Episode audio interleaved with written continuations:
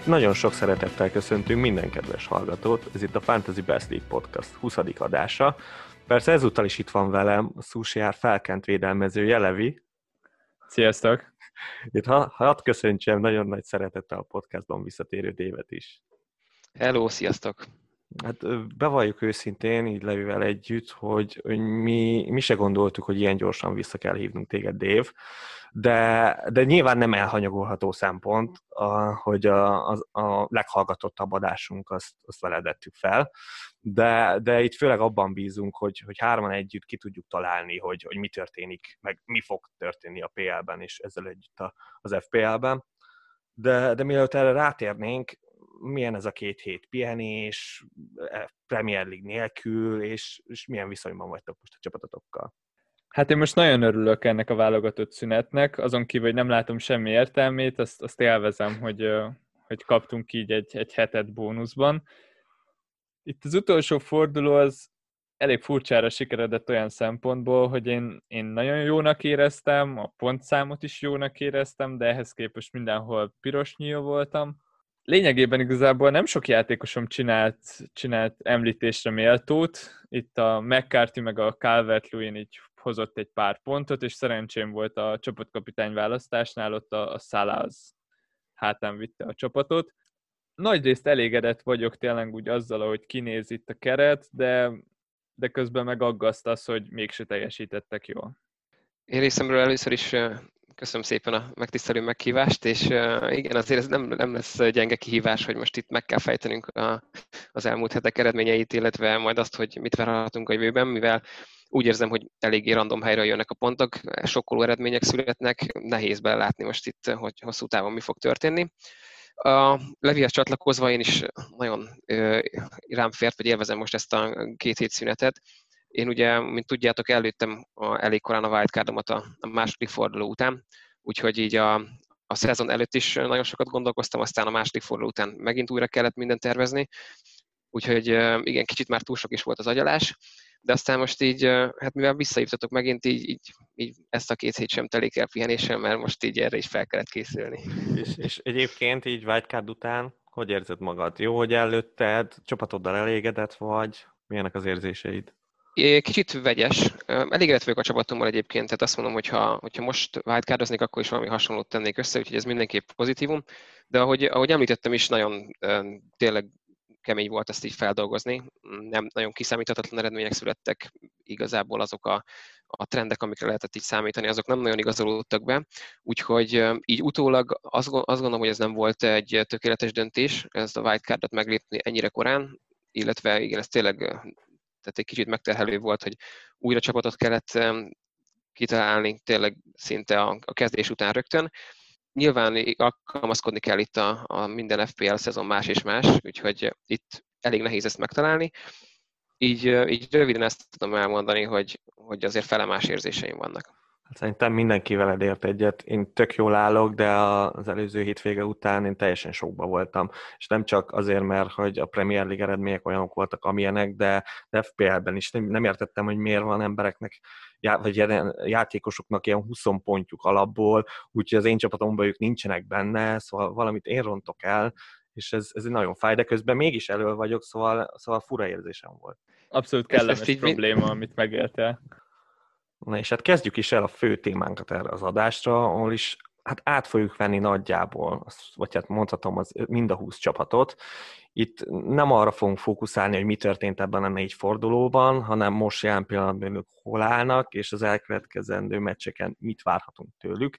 Hát remélem, hogy nem lesz maratoni adás, de azért ezt valljuk be, hogy benne van. Hát azt találtuk ki, hogy, hogy blokkosítva beszélünk, itt ilyen két-három csapatról így nagyjából egyszerre, mert hasonló szituációban vannak.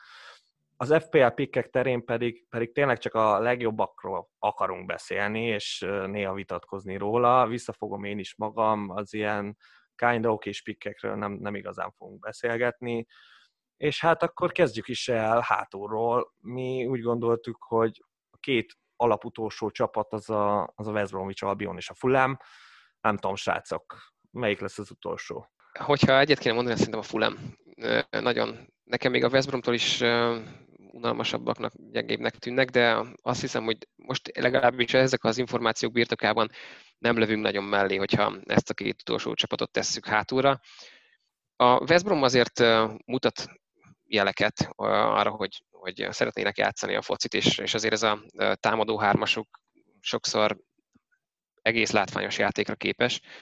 Itt ugye a Robinson Pereira és a Diangánáról van szó. Azt mondom, hogy nem is áraszták őket nagyon rosszul, de, de még, még így sem mondanám azt, hogy bármelyikből is lehetne FPL pick. Úgyhogy nekem a, a West Brom és a Fulham is egyébként totál off, én, én igazából senkit nem választanék ki innen. És még a Fulhamből, ahogy, ahogy egy nevet meg kéne, hogy említsek, ez a Mitrovic, ő azért elég sok ember csapatának, csapatában benne van, és, és sokan bíznak benne szerintem még most is. Na most ez a Fulham tényleg nagyon rosszul néz ki, és itt, itt az, az teljesen jó gondolat, hogy Mitrovic benne lesz a gólokban, a Fulhamnak a góljainak nagy százalékában, vagy, vagy gólpassz, vagy assziszt, ez rajta fog keresztül menni. Viszont tényleg hát a négyből három meccsen nem is rúgtak gólt, hogyha most így jól emlékszem hirtelen, egy, egy meccs volt az, amikor Igen. a Leeds ellen tudott duplázni, ami, ami úgy jól néz ki, de, de tényleg, tehát annyira mm, síralmas ez a Fulham támadójáték, hogy én nem nagyon bíznék Mitrovicban, és egyébként szerintem még ami így a legnagyobb érv Mitrovic ellen az, hogy ő nem fog játszani a Fulham ellen, tehát még az sem lesz meg neki, hogy akkor egy, egy nagyon gyenge csapat ellen játszhatna. Teljes mértékben egyetértek veled. Szerintem is itt a, a két legrosszabb csapatból is még alul, alul kilóg a Fulham. Szörnyű volt, én most pont nagyon frissen él bennem az élmény, hogy megnéztem ezt a Wolverhampton Fulham mérkőzést, ami kb. az egyik legjobb meccse volt a londoniaknak, és rettenetesek voltak. Konkrétan Mitrovicson kívül nincsen értelmezhető játékosuk, most megkapták kölcsönbe ezt a Lukman gyereket, így, így legalább még egy játékos van a pályán, de, de szörnyű az egész. És itt a Mitrovicsba való bízás az, az nagyon kérdőjelesnek tűnik, de, de Máté, te kitartasz, ugye? Hát teljes mértékben. Hát ugye még hét közepén én is így voltam ezzel, hogy a Fulham tök teljesen egyértelműen rosszabb, mint a West Brom, de hogy készültem az adásra, kicsit változott a véleményem. Itt a Fulham védelmébe olyan pontokat raktam, hogy azért az első négy fordulóban szerintem elég kellemetlen ellenfeleket kaptak, legalábbis az ő játékstílusoknak nem igazán feküdt ez a négy csapat, és most fognak az igazán kis angol csapatokkal játszani, akik ellen akár működhet ez a, ez a sok passzos játék, és tényleg nem a 16-osok előtt fognak passzolgatni, hanem már akár félpályán, és akkor azért nyilván több esély van a gólra, és azért a Mitrovicsbe én még mindig látom azt a, azt a potenciált, hogy ő, hogy ő azért itt, itt lövögeti a gólokat. A West Bromnál ott, ott semmit nem tudok felhozni, hát ők csapatszinten se a támadásuk nagyon ilyen tehát a három előre játszó játékos az ügyes, azt aláírom. Szerintem ők simán maradhatnak jövőre a Premier League-ben, de az a baj, hogy, hogy, hogy míg a Fulhamnél tényleg csak a Mitrovic van, itt a West Bromnál három támadó van elő, akik nagyon hasonló pontokat fognak hozni, és így teljesen megoszlik majd az egész, úgyhogy innen, innen teljesen egyértelmű, nem választhat az ember, de hát nyilván a Mitrovicot én se raknám be, de így, hogy ben van, így ben hagyom szerintem. Itt engem ami nagyon meglepett, az az, hogy a Mitrovic 7 pontra van Inks-től, és Inkstra szerintem mind a hárman egyből rávágnánk, hogy mennyire jó pick, és mennyire megéri berakni, és van köztük két és fél millió, de, de csak 7 pont. És több van, mint a Jimeneznek. Hát igen, de ez, igen. A, ez, ez tényleg a Leeds elleni meccsnek köszönhető, tehát hogy azon kívül ugye kettő meg egy pontokat hozott. Még egyébként a West Bromhoz hozzátévetett, hogy, hogy őket is így mennyire leírtuk azért, az is mindent elmond, hogy például a Chelsea ellen azért simán rúgtak három gólt, és, és nagyon sokáig úgy járt az a meccs, hogy meg is nyerik. Ez is csak, hogy kicsit így visszacsatoljuk, hogy mennyire őrült ez a szezon. Az a Chelsea-t minősíti szerintem. Ja, igen. Szerintem Könnyű dolga volt a West Bromnak. hát a góljaik legalábbis olyanok voltak. Kettő nulla pontos csapattal fogjuk folytatni itt a listánkat. És ez azért is érdekes, mert ez a két csapat tavaly a top 10-ért és a tabella első feléért harcolt, a Sheffield Unitedre és a Burnley-re gondolok. Tudunk-e találni még bennük értelmes választásokat, ez itt a kérdés. Mm, én egyenlőre azt érzem, hogy mind a kettőjük védelme, ha bár nagyon rosszul teljesített, egész okésnak tűnik, és szerintem a bekapott góloknál nem tükrözik azt, hogy mit tudnak ők bár itt a Burnley-nél nagyon aggasztó volt a Newcastle elleni hármas, de, de ettől függetlenül főleg a Sheffield például rettenetesnek tűnik, de szerintem ők, ők össze tudják magukat kapni, és mind a két védelemben találunk négy és feles védőket, és ez az, ami, ami remény, reményre adhatok ott nálam legalábbis. Hát igen, nekem nagyon tetszik mind a kettő alapvetően, tehát én még mindig bízok bennük. Tehát a tavalyi szezon értem, hogy például a Burnley-nél abszolút érezhető ez a páros-páratlan szezon, és most, ha mondjuk veszik, akkor most a páratlan szezonban vannak, úgyhogy most nem lesznek olyan sikeresek, de azért nem fognak kiesni, ebbe szinte biztos vagyok. A Sheffield, a Sheffield kicsit érdekesebb, de, de szerintem mind a kettő csapat tényleg majd, de az a baj, hogy ők szépen lassan fognak egyre jobbak lenni, azt érzem, úgyhogy, úgyhogy náluk még lehet, hogy érdemes várni, tényleg a védőopcióikban most lehet bízni, vagy hát be lehet rakni, és akkor így váratlanba, mert, mert szerintem lentebb is mentek sokan, és, és így van bennük potenciál. Én még a Burnley-nél a Woodot nagyon érzem, de ez csak egy ilyen lázálom volt, és, és nagyon, nagyon bennem van. Nekem igazából egyik se tetszik ebben a formában, most így az elmúlt pár forduló alapján. Lehet, hogy valószínűleg egy, a Burnley-vel kapcsolatban egyetértek, valószínűleg ők össze fogják a magukat kapni. Ugye tavaly is elég lassan indult a szezonjuk, ott is sokan elkezdték őket félteni, aztán utána ráálltak a clean sheet gyára, és, és póból Isten csináltak. Szerintem itt a védelem jó lesz. Most viszont kicsit én, én távol maradnék tőlük, és igen, amit Levi mondtál te is, hogy egy Newcastle simán veri őket, de ugyanígy a Leicester is, és, és azért ez nem nagyon volt korábban rájuk jellemző, hogy hármakat, négyeket kapnak.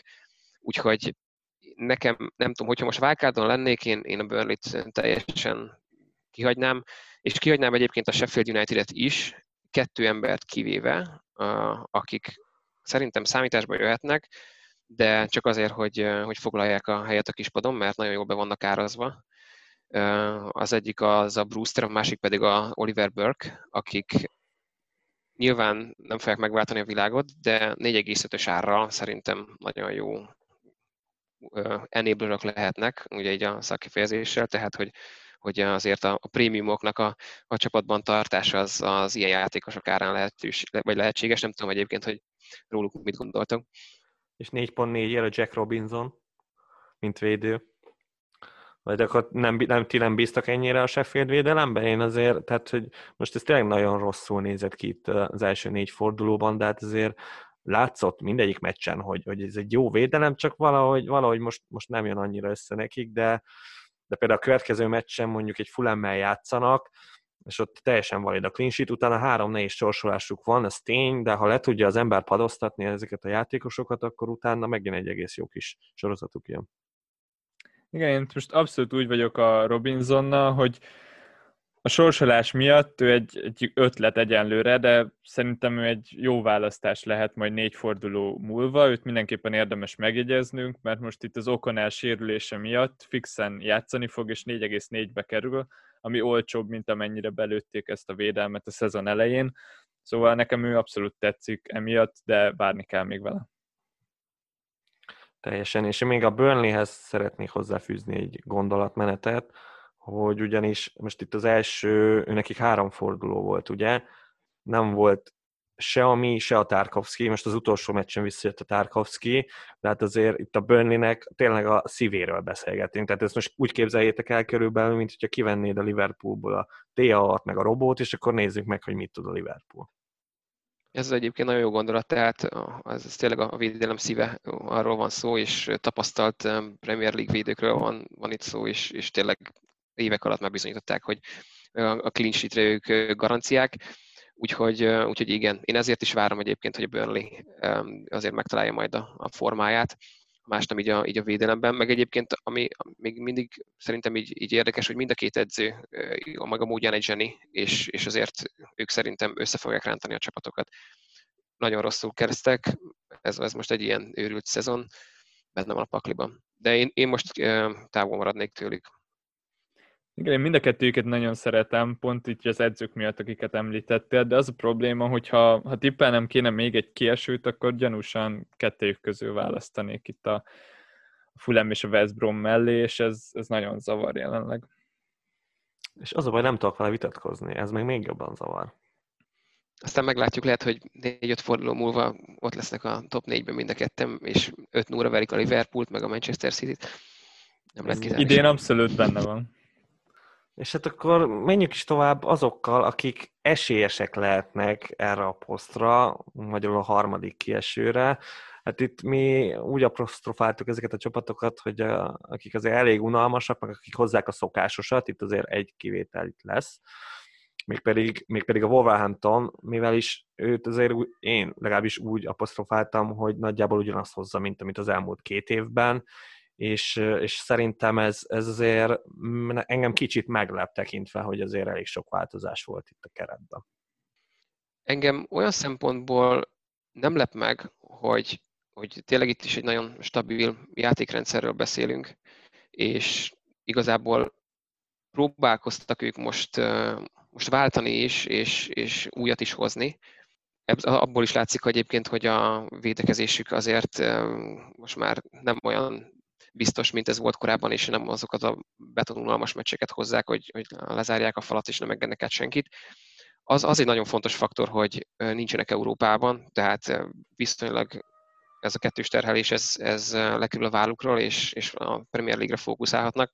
Úgyhogy nekem emiatt is nagyon tetszett egyébként a Wolverhampton, és én emiatt is tart, tettem be három játékost is a, a Wildcard csapatomba.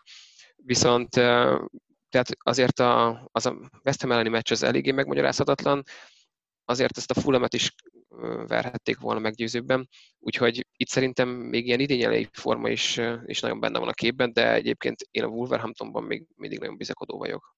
Én nagyjából biztos vagyok abban, hogy a Wolvesnak itt a tavalyi teljesítménye az a, az a csúcs volt, és hogy ők soha nem lesznek ennél jobbak. Szerintem annál nagyobb esélye, hogy BL helyen végezzen ez a csapat, nem lesz nekik, legalábbis ameddig Nuno az edző, és mondom ezt úgy, hogy én nagyon szeretem őt. FPL szempontból itt megint csak azt látom, hogy, hogy Jimenez az egyetlen támadó opció, és akkor mellette vannak itt az öt és feles középpályások, akik viszont valószínűleg rotálva lesznek, mert még a Traoré is rotálva van ott szélen. Ezért ők nem tetszenek. A Jimenezzel meg az a nagy bajom, hogy, hogy 8 és félért kiszámíthatatlan olyan szempontból, hogy mikor lövi meg a góljait, de az meg biztos, hogy meglövi a góljait. Továbbra is jó piknek tartom, de, de nekem például Inks jobban tetszik. Mi lett vele? Tehát te vagy a legnagyobb Jimenez van a világon. Hát igen, de először még öt és fél volt, ha jól emlékszem, tavaly volt hét és fél, egyre fentebb megy, és ő ugyanezt tudja minden évben még hogyha javul is valamennyit, de, de nála is azt érzem, hogy, hogy a, a tavalyi az például egy, egy viszonylagos csúcs volt, és hogy Max megugorja ugyanez, de nem sokkal, és, és az meg biztos, hogy, hogy Wolves-os játékos nem választhatunk csapatkapitánynak, erről értekeztünk múlt héten Dévvel, és, és itt a Fulham elleni meccsen ez nagyon be is jött. Egyszerűen ők, ők nem akarnak sok gólt lőni, és, és akkor érti ezt meg valaki igazán, hogyha ha nagyon vár Wolfsos játékosoktól pontokat, mert úgy nézni egy Wolverhampton meccset, hogy te várod a gólokat, na hát az, az egy nagyon fájdalmas élmény. Egyébként um, én most azért ebből látok némi bizakodásra okot, hogy ugye Jimenezzel mindig az volt a, vagy a legnagyobb kritika vele szemben, hogy, hogy a, a csávó max egy góra képes, igazából az egész Wolverhampton max egy-két góra képes, és az a plafon. Most én szerintem kicsit jobban elbillent a, a csapat egyensúly a támadó játék irányában, és én, én igazából a Sheffield meccs volt, azt hiszem, és sőt a City meccs is ilyen volt, hogy több gólt is benne, beleláttam, és, és ezért is voltam bizakodó ezzel kapcsolatban is, hogy akár azért egy gyenge csapat ellen beletenni Csékának is. Ez még nincs teljesen megcáfolva, de, de nekem Jimenez nagyon tetszik. Ő, tulajdonképpen igazából játszhat bárki ellen, benne, benne van a gól, és mondom, én most ezt szeretném még letesztelni egy ideig, hogy, hogy ő azért most én úgy érzem, hogy, hogy képes lehet duplázni, akár triplázni is, hogyha jól kijön a Wolfsnak a lépés. Hát, és akkor mit mondasz, hogyha tovább megyek a másik ilyen stabil csapatra, ami már évek óta hozza ugyanazt a szintet, az pedig a Newcastle United, ahol is van egy Callum Wilson, akit aki nagyon kellett ebbe a csapatba. Tudjuk a castle hogy milyen, olyan, amilyen, de az azért azt szerintem fixen elvárható tőlük, ami azért nem nagy teljesítmény, hogy egy 38 meccses bajnokságban ilyen 38 gól körülbelül hoznak. Tehát ez lehet akár 40 is. Na most, ha a 40-nel számolunk, és úgy számolunk, hogy minden második gólban benne van a Callum Wilson, akkor lehet, hogy ugyanazt a szintet hozza a Wilson, úgy, hogy két misivel olcsóbb. Hm, egyébként szerintem az egyetlen szóba jöhető játékos a newcastle ez a Wilson. Még úgy is, hogy még úgy is, hogy, hogy maga a csapat nem nagyon tetszik, a sorsolás az, az végképp nem tetszik. Emiatt én kicsit így szintén távolról figyelem. Egyébként kitaláljátok-e, hogy, hogy ki az az egyetlen játékos, akinek minden négy meccsén sikerült egy nagy helyzetet összehoznia, mármint hogy elkerült nagy helyzetbe, az pont a Wilson, tehát a, a, az egyetlen játékos a ligában, aki, aki ezt meccsenként tudta hozni, és egyébként ő, ő már a Börmuszban is így volt, hogy, hogy a Csáó egyszerűen csak nagy helyzetekbe tud kerülni. Én emiatt egyébként annyira nem látom ezt borúsan, és, és el tudom képzelni azt, hogy, hogy majd valamikor a csapatomban fog játszani, de most nem. Tehát ez a, ez a következő itt három meccs, ugye Manchester, Wolverhampton és az Everton, aztán utána két fordulóval később a Chelsea is, ez, ez eléggé a wait C kategória, mert én itt sok mindenre nem számítanék tőlük, és még akkor is, hogyha a meccsenként egy gólt hozzák, az, az itt szerintem alul lesz múlva. Figyelj, így, így nagyjából egy kategóriában járunk még a Mitrovicsal, még hogyha kicsit drágább is a Wilson. Hogyha valakinek megvan a pénze, akkor én jobb opciónak találom, mert csak azért, mert van egy pár értelmes játékos körülötte legalább, itt a Fraser meg a Szent Maximin mondjuk, de abban én is nagyon egyetértek, hogy az egyetlen választás az a, a Wilson ebből a csapatból. A védelmükben nem bízok, egyszerűen már olyan régóta hoznak olyan rettenetes mutatókat, hogy, hogy egyszerűen ez, az nem megbocsájtható itt a középpályán, meg bár az előző fordulomnak a legnagyobb tragédiája az a Szent Maximinnak a kivétele volt, ahol buktam vagy 10 pontot, akkor se bánom, hogy nincs már a csapatomban a francia főleg így, hogy Fraser már, már épülget be a csapatba, még abban sem vagyok biztos, hogy a, övé lesz a bal szél, mert én el tudom képzelni, hogy Fraser fog játszani a balon, és, és jobban, jobbra kerül a jobb lábas Szent Maximin. Nem, itt, itt csak a Wilsonról beszélhetünk szerintem is. És mi van a Jamal Lewis-szal? 4,4-ért nem, nem rossz, nem azt mondom. Kukázni, lehet hát... kukázni ilyen védőket, főleg, hogyha wildcardon van az ember, de, de cserét biztos nem költenék egy, egy Newcastle védőre. Hú, ez rosszul esik. Szóval Dave említette, hogy, hogy mennyire rossz sorsolása a Newcastle-nek, na hát ez az, ami nem mondható el a Crystal Palace-ról, akinek most eszméletlen jó szériája kezdődik. Ettől függetlenül én még mindig aggódok, hogy tudnak-e gólt lőni de itt, itt át is adnám a szót itt a Crystal palace a képviselőjére a podban, itt Máténra gondolok. Mi a helyzet velük, és, és Zahával rakjuk-e be, vagy vegyük ki? Hát ugye ő azt mondta, hogy ne rakjuk be, hát ez már, ez már fél internet tudja. Ezt nem tudom, miért mondta, bevallom őszintén, mert jó, hát mondjuk én is azért bajba lennék, hogyha nem lenne bent az AH. Tehát akkor most így nagyon nézegetném, és így nagyon izzadna a kezem, hogy, hogy berakjam. Így szerencsére nem kell kiraknom, szóval ez a, ez a veszély nincs fenn. De, de hát én nagyon örülök, hogy két palászosom van. Most erre vártam, stabilan ott lesznek kezdőbe. Remélem, hogy a Mitchell még játszik, és a Fanaholt még, még nem játszik a következő egy-két meccsen, és akkor én nagyon örülök. Hodzon lenyilatkozta egyébként a Mitchellről, hogy, hogy nagyon tetszik neki a srác, és hogy a, a Fambiszakának a méltó utódját látja benne. Én ebből sejtek valami olyasmit, hogy hogyha vissza is tér Fanáholt, akkor őt egy sorra följebb fogja majd tenni, és Mitchell stabil kezdő marad. Ez szerintem mindenképpen érdemes majd kivárni, és egyébként én, én a Palace-nál a, a védekezésben maradnék, vagy, vagy oda fókuszálnék, itt ugye sokan féltették a csapatot a, a szezon kezdet előtt, hogy itt akár bajba is lehetnek, mert ez a védőnégyesük megbomlott, sérülések, stb. De, de ez nagyon-nagyon stabilnak tűnt, és, és nagyon jó érték van benne. Egészen a, a múlt heti Chelsea meccsig, amikor is mondjuk oké, okay, itt, uh, itt Szakó egyes egyedül kivégezte a saját csapatát, és azt hiszem, hogy a négyből három gólból vállalt masszív főszerepet, úgyhogy uh, ilyenek, ilyenek mert azért nehéz ezt józanul megítélni, de én szerintem a Palace-nál jönni fognak a clean sheetek, és, és például Mitchell szenzációs pick, tehát ugye ő volt az a egyedüli, szinte egyedüli 4.0-ás hátvéd, aki, aki játszott, úgyhogy um, szerintem a, a Crystal Palace védelmében érdemes, érdemes nézelődni. Zaha? Zaha is, te, Zaha is tetszik. Egyébként Zaha is tetszik, ugye ez volt szerintem a legnagyobb vitánk úgymond a, a szezon kezdete előtt, ugye nem volt jó a Palace sorsolása, nem is nagyon reméltünk Zahától sokat.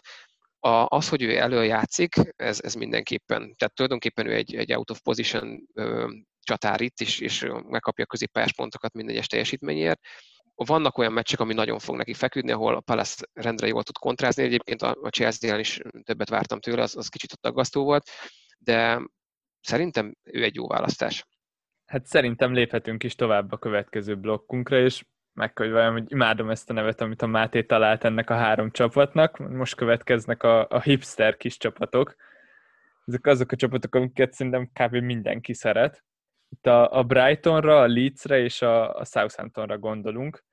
És itt egyből szerintem kezdjük is a Southamptonnal, mert szerintem a Soton a legjobb ezek e közül a három csapat közül. Dave, hogy állsz a Sotonnal?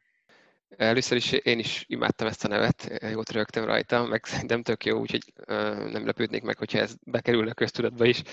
Úgyhogy Máté, lehet, hogy lehet, hogy levédethetnéd, vagy nem tudom, még Köszi. most idéve. Igazából a Soton egy, egy tök jó csapat, még annak ellenére is, hogy, hogy azért eléggé beleszaladtak a késbe. Az első két fordulóban botrányosan néztek ki, de, de Ralph megtartotta a koncepciót, és, és azóta szerintem már sokkal jobb a kép, sok emberek megváltoztatta a véleményét.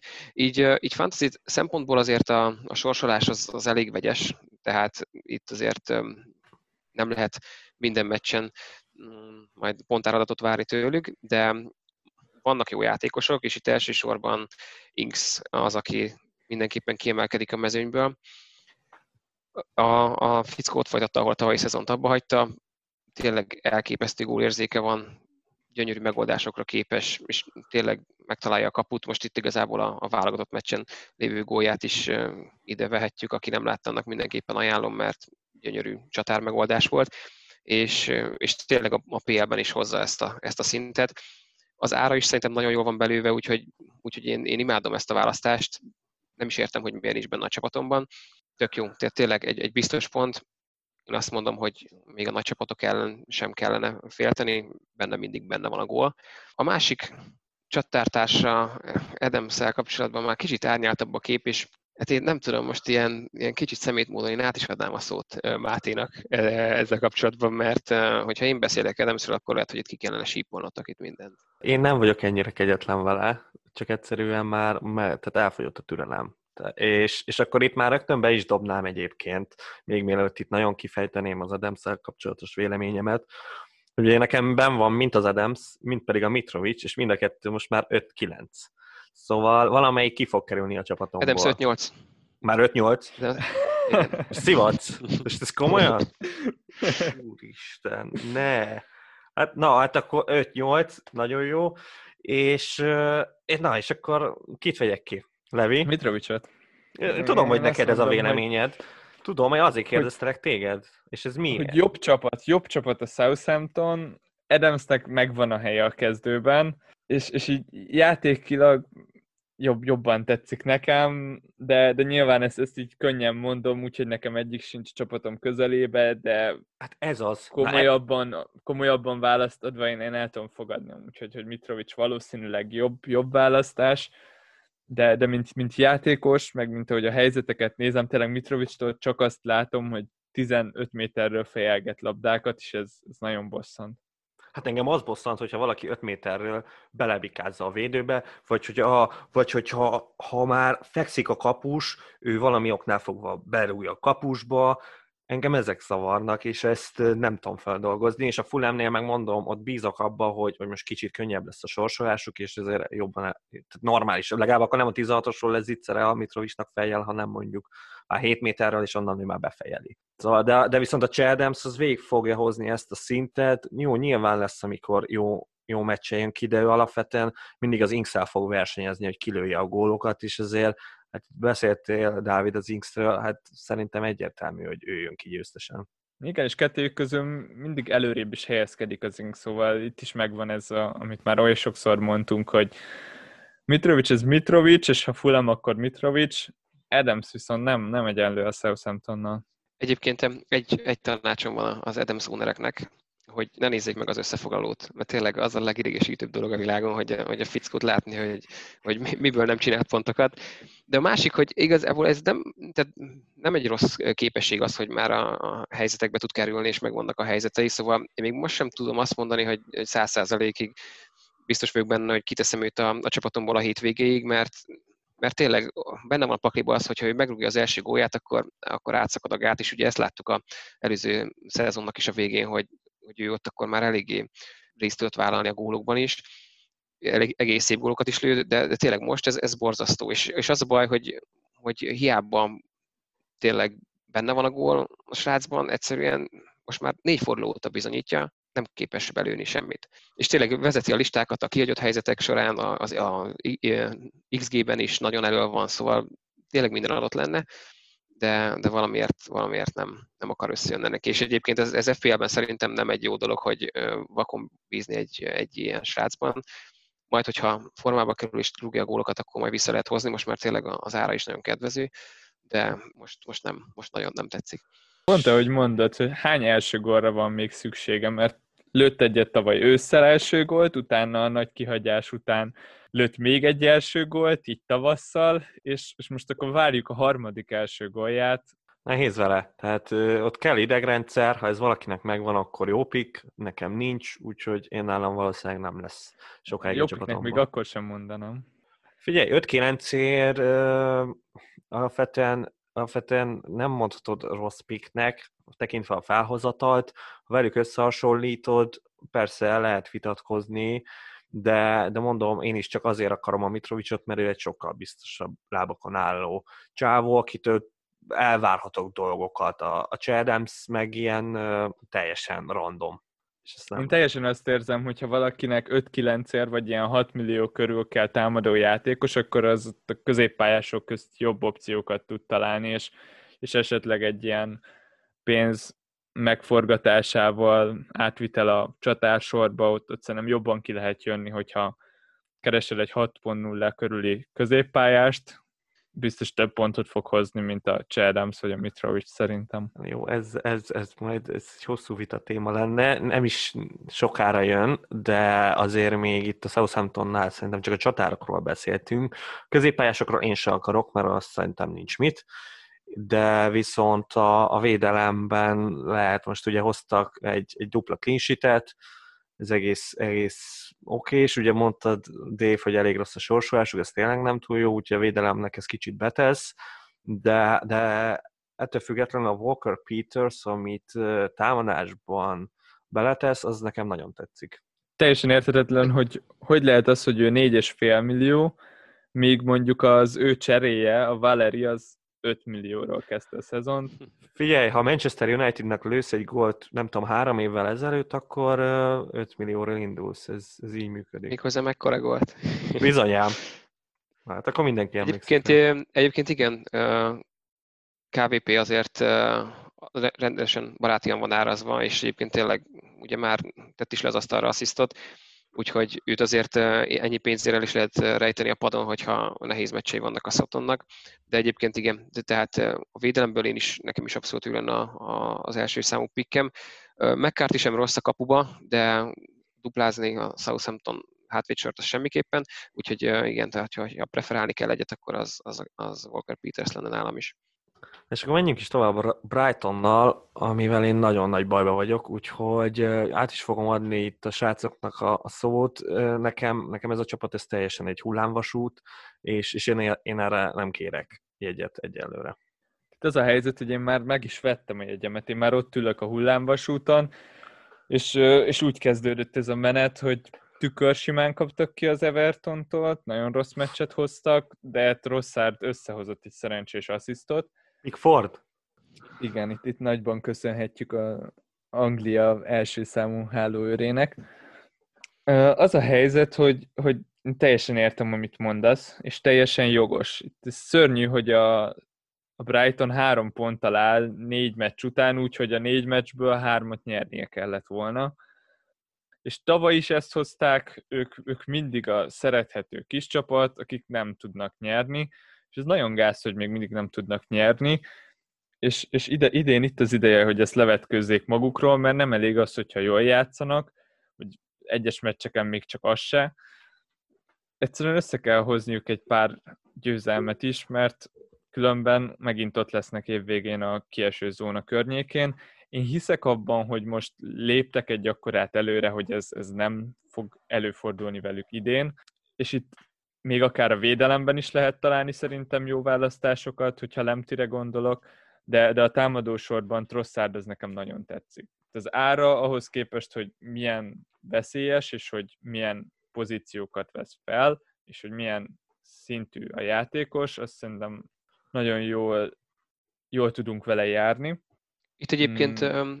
hogyha folytathatom itt gyorsan közbeszúrva, hogy uh, én Levi abszolút veled voltam ebben a döntésedben, mikor, mikor itt kerestél a Szent Max helyettest, akkor, akkor az Trossard szerintem abszolút nagyon királyválasztás, és, és a Csáótól tényleg mindenhonnan jönnek a gólok ugye nagyon jól lő, nagyon sokszor odaér a kapuhoz is, kapu elé is, és igazából van, amikor szinte csatárt játszik, ugye a Potter azért elég jól kevergeti a kártyákat, és sokszor van az, hogy, hogy Mopejjel fönt van ketten, vagy akár Connolly fönn vannak hárman, úgyhogy jó pozíciókat is vesz föl, szerintem az ára is teljesen rendben van, úgyhogy én is őt emelném ki, nekem is ő lenne az abszolút favorit pickem a Brightonból.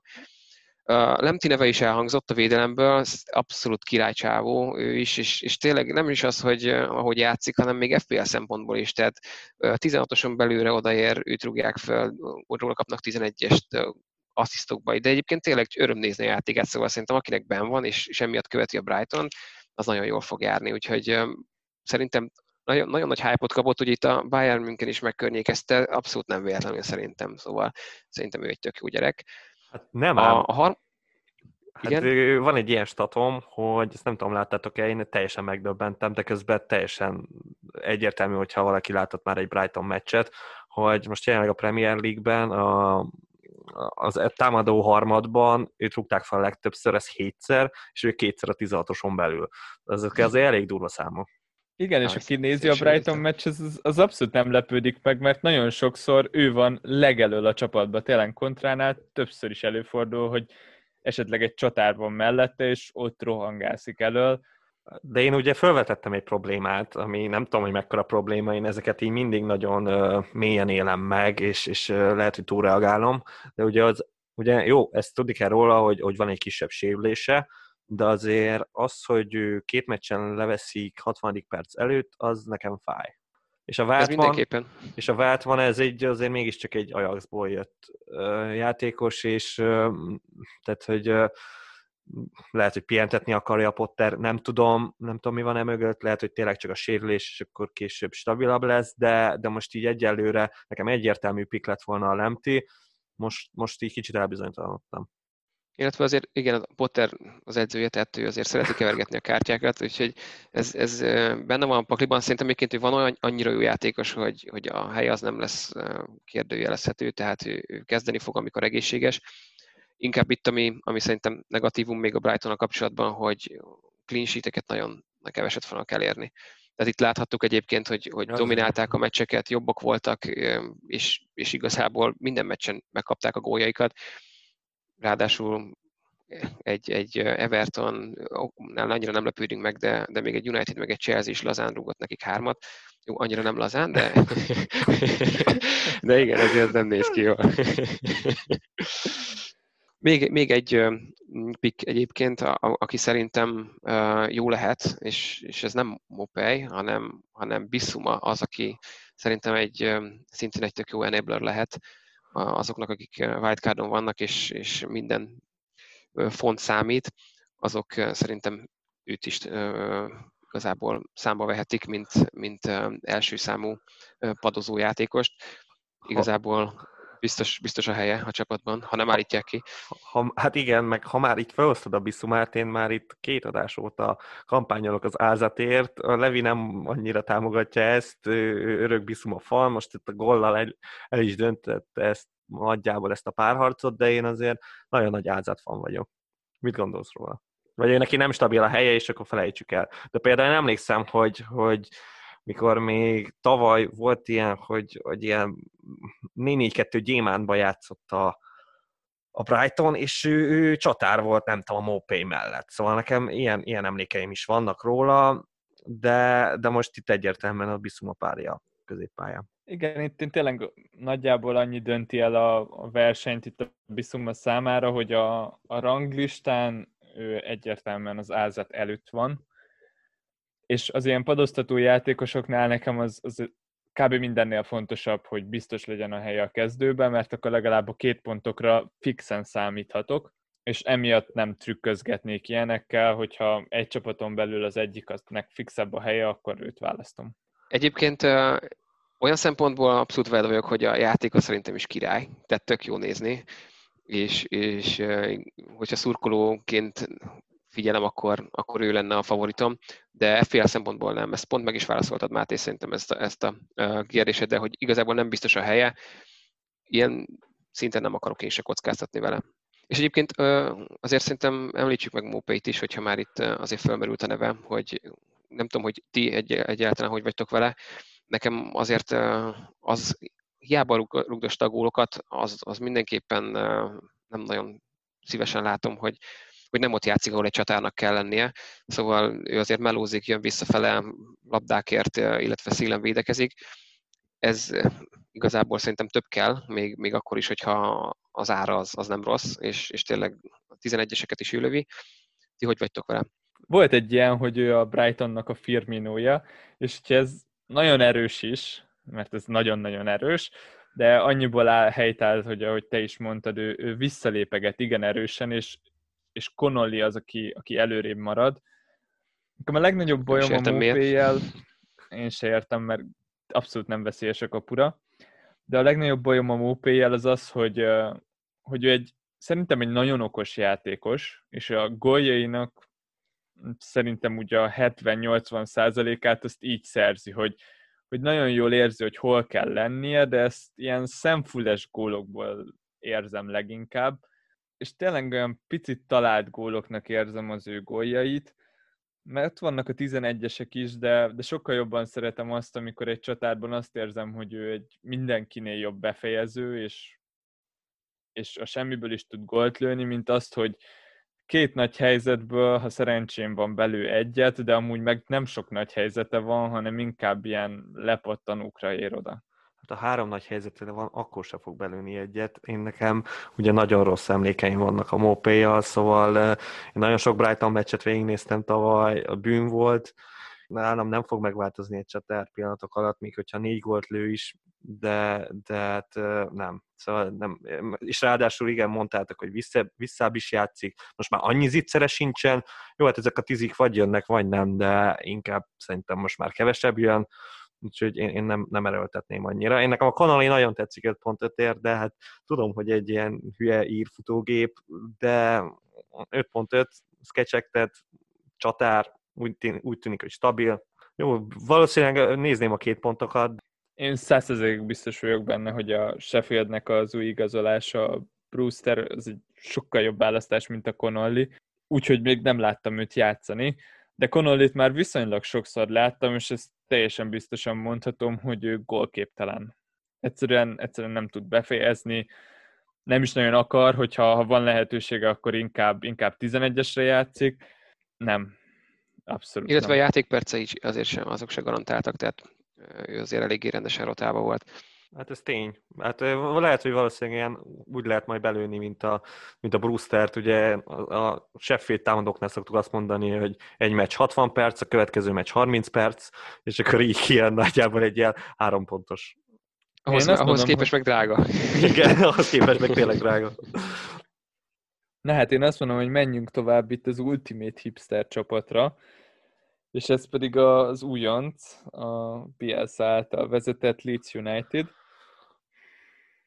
Nagyon nehéz helyzetben vagyok a leeds leginkább azért, mert, mert jó nézni őket, és tényleg én látom, amiket, amiket elmondanak róluk, és, és nagyon tetszik, hogy milyen bátran támadnak. De a legnagyobb problémám az az, hogy amikor azt látom, hogy öt játékossal támadnak, hogy öt játékos van ott, és ötletem sincs, hogy most épp melyikük fog oda kerülni a kapu elé.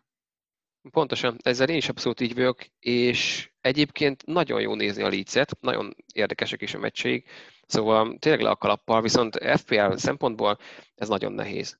Ugye nagyon rossz sorsolásra is kezdtek, de az mondjuk egy pozitív, hogy már kipibálták a City-t is, meg a Liverpoolt is, tehát ezután már csak könnyebb meccsek jönnek, de, de tényleg, hogyha most egy, egy embert ki kéne emelnem, akkor, akkor bajban lennék, mert tetszenek többen is, és, és tényleg annyira jó nézni ezt a támadni akarást, és, és az, hogy sokan ott vannak a kapu előtt, de hogyha most mondjuk wildcardon lennék, biztos, hogy elkerülném a leeds pont ebből azokból kifolyólag, hogy még többet kell őket látnom, hogy, hogy valakit ki tudjak választani, hogyha egyáltalán igen.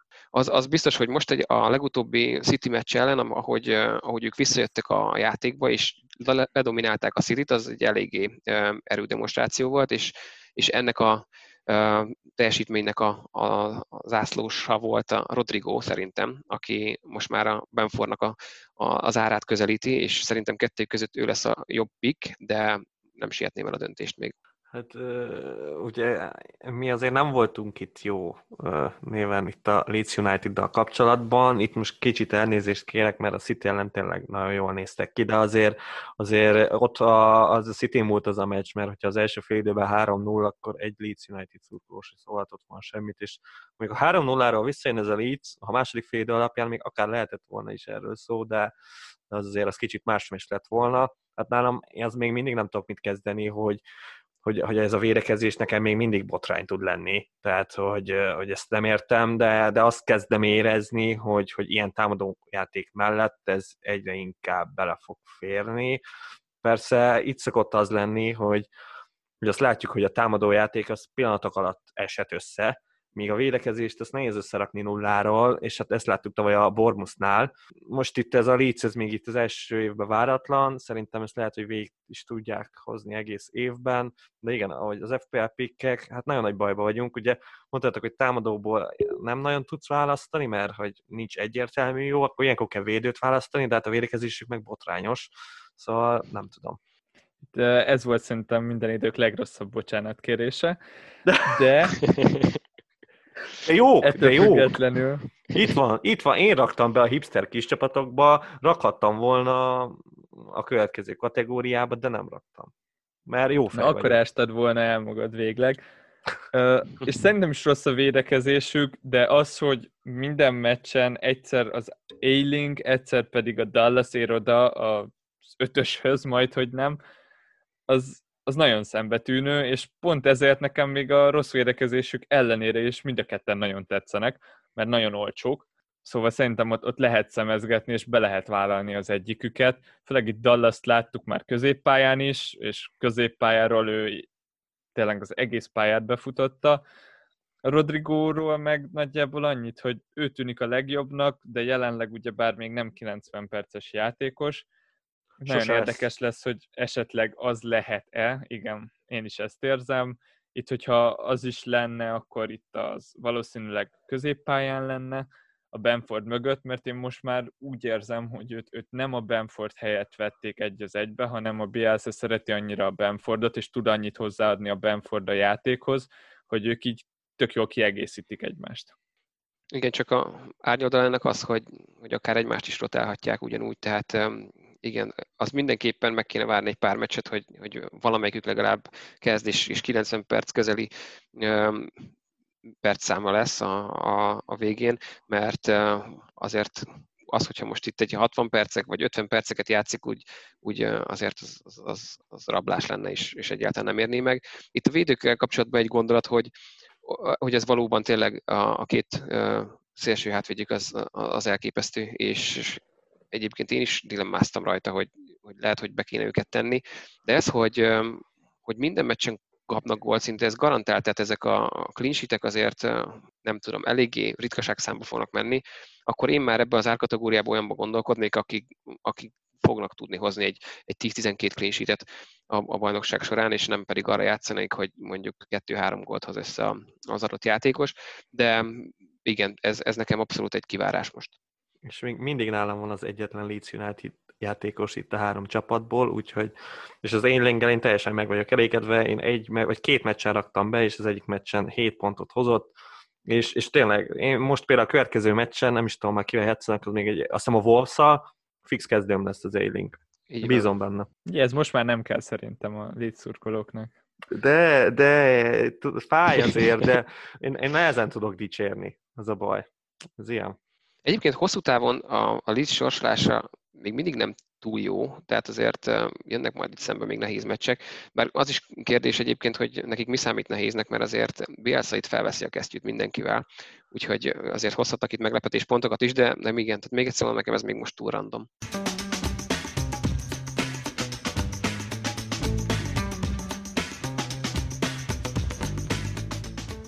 Akkor most eljutottunk ahhoz a csoporthoz, ahova mondtam ugye, hogy a Leeds-et lehetett volna berakni, de hát igazi hipster csapat, ebben nincs vita, és hát itt maradtak azok, akiket igazából sehol nem tudtunk berakni, de, de ahogy így egymás mellé raktuk ezt a három csapatot, azért, azért vannak hasonlóságok, még hogyha nagyon kevés is, és itt fogunk beszélni a West Ham United-ről, a Leicester City-ről és az Arsenalról, és megengedem nektek, hogy választatok, hogy melyikről szeretnétek először beszélni.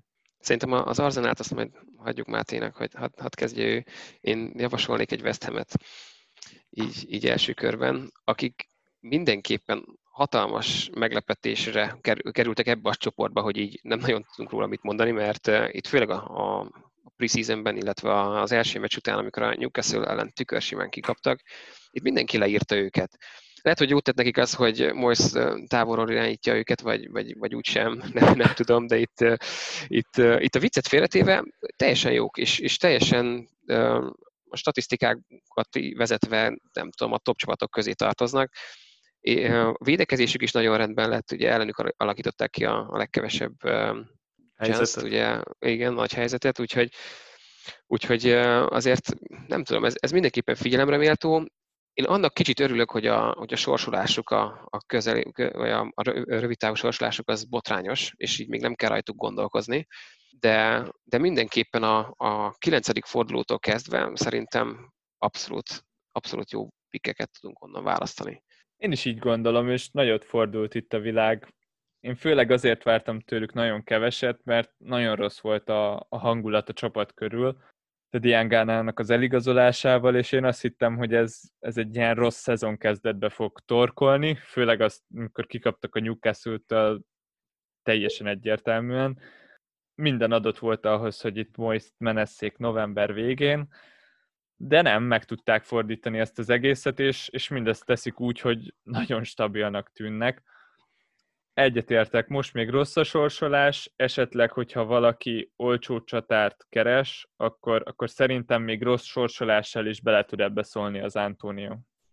Hm, érdekes, hogy hát ugye én azt keresek, de, de azért még én másokba bízok, akik még szerintem jönnek.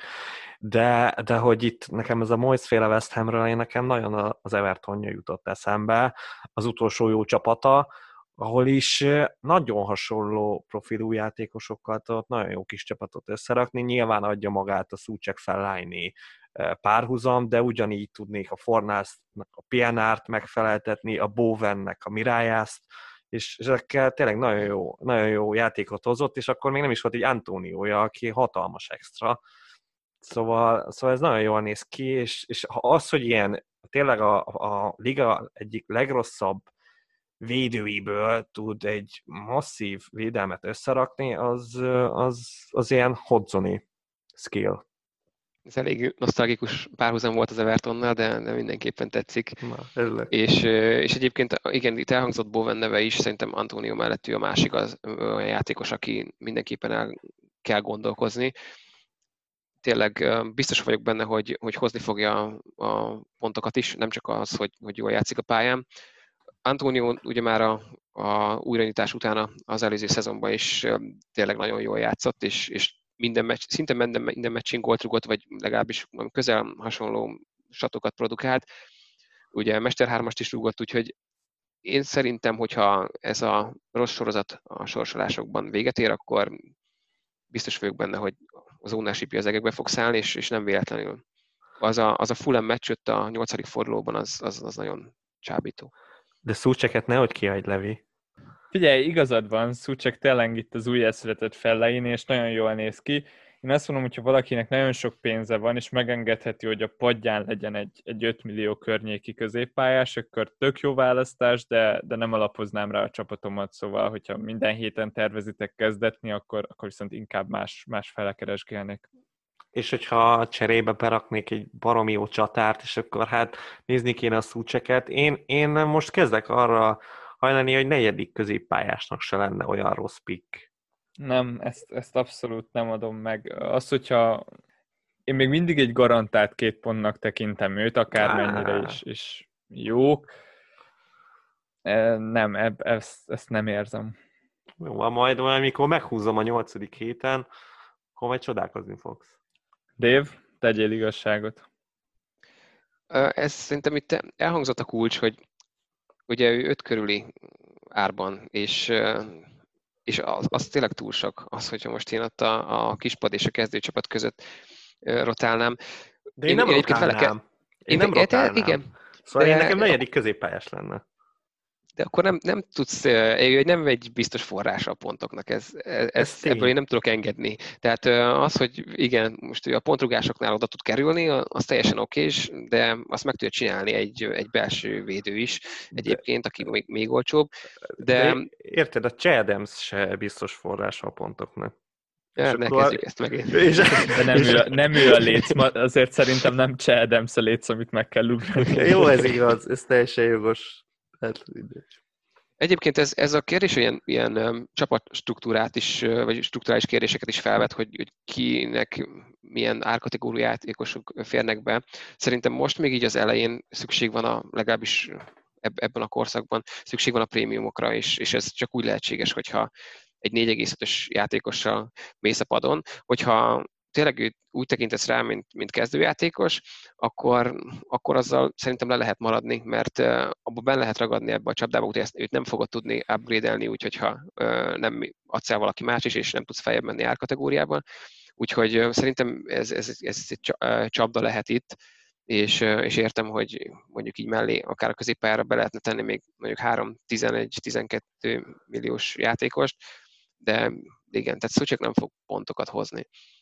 Stabilan biztos nem. E, igen, ezzel a struktúrával kicsit meggyőztetek, de csak egy kicsit. Na jó, itt igazából egy vallomással tartozok nektek. Bevallom, hogy a gyengébb pillanatomban a watchlistemre raktam Cresswell-t, és tettemet maximum azzal tudom magyarázni, hogy, hogy most már csak 4,9-be kerül, szóval itt már gyakorlatilag 4,5-ös, és, és biztos a helye a kezdőben, és ugye bár ezt Máté is elmondta, hogy a West Ham védelem az, az hírhetten jó, ez tényleg ez, ez uh, nagyon jó védelem.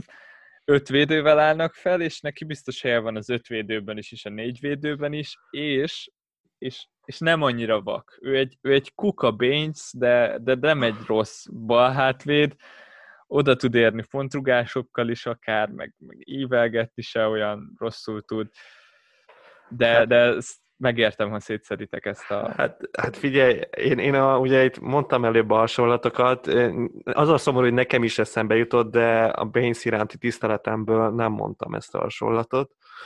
A másik meg, hogy az első asszisztja az előző meccsen az, az Bainesi volt, tehát azt, azt aláírom.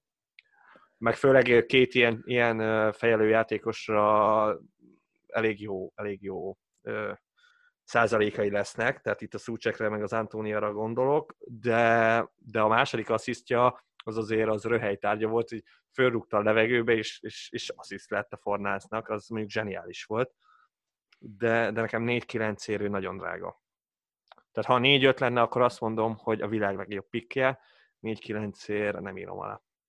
Nekem is drága egyébként. Ő amúgy tényleg egy fun pick, úgy, úgy olyan szempontból, hogy, hogy tényleg a pontrugások, szabadrugások is egyébként nála lehetnek, illetve tényleg nagyon jó rugó technikája van, úgyhogy ilyen, ilyen támadó potenciál is van benne abszolút. Én valahogy jó, még mindig szkeptikus vagyok ezzel a West Ham védelemmel, hiába a számok más mondanak. Ez a, ez a következő három meccs, Tottenham, City, Liverpool viszont nem is lehetne rosszabb, úgyhogy, úgyhogy nem, ez egy, ez egy nem tőlem. Hát meg, Maradjunk meg... annyiba, hogyha ha jó lenne a sorsolásuk, szerintem még akkor is jogos lenne, hogyha ha szkeptikus lennél a West Ham védelemmel. Hát igen. Ha jó lenne a sorsolásuk, és olcsóbb lenne, akkor nem lenne gond. Meg, meg, meg, itt már megint van egy ilyen régi becsípődés szerintem, mert ő, ő egy gólt biztos lőtt szabadrúgásból a Unitednek tavaly, de, de mintha lőtt volna múlt, tehát két éve is, és akkor lehet, hogy van benned egy ilyen benne Hú, maradt valami. Volt ez. Igen, az nagyon kemény volt, ott volt egy Felipe Anderson asszisztom, azt nem felejtem el soha, de, de nem, Cresswell, Cresswell nem. Igen, én mindenkit megszeretek, aki, aki lő egy gólt a Unitednek. Fú, akkor nagyon sok játékos van. Na hát, és menjünk is tovább. Egy olyan csapattal, amit én már szerintem eleget szittam, most nem akarom, de így, hogy gyorsan lezárjam, én nem nagyon tudok ajánlani senkit, és ez nem más, mint a Leicester City. What a surprise! Figyelj, én, én nagyjából egy cipőben járunk, mert nagyon örültem annak, hogy kikaptak a West Ham ellen. Elég, elég volt, ez a, ez a ret, rem, rettenetesen jó kezdés, ez, ez éppen elég volt, és, és kellett már egy vereség nekik, meg egy nagy pofon. Tavaly évelején már, már, már olyanokat hallgattunk, hogy, hogy jobban teljesítenek, mint az annó bajnokcsapat, és, és nem akartam megvárni, még idén is felhozzák azt, hogy, hogy ezek jobbak, mint az annó bajnoki címig jutó csapat. Lényeg a lényeg, örültem ennek a győzelemnek, itt ezt ragozhatom akárhogy, és nagyjából ott tartok, ahol te. Nem, nem tetszenek a játékosaik, nyilván tetszenek itt a szélsővédők hátul, de nem annyira. Mind a kettőkről azt gondolom, hogy, hogy ők már kettőt drágultak, és, és egyszerűen max értéket képviselik, amennyit kiadnék értük, és sose szeretek olyankor vásárolni, amikor valami tetőpontján van. A középpályán akármennyire okésnak is tűnnek egyes játékosok, nem elég jók szerintem, és itt a csatársorban a Wardid, na hát ő az egyik legrosszabb ilyen trend. Srácok, hogyha már ennyi pénzt elköltötök csatárra, akkor, akkor azt, azt a csatárt csak is Harry Kane-nek hívhatják, ugorjatok, fussatok, meneküljetek, itt a Wardi vonat az, az elindult, most megállt egy pillanatig, és még úgy is el fog indulni, de hosszú távon biztosan jobbnak érzem a ként. Én szeretnék vitatkozni, de, de nagyon nehéz lenne.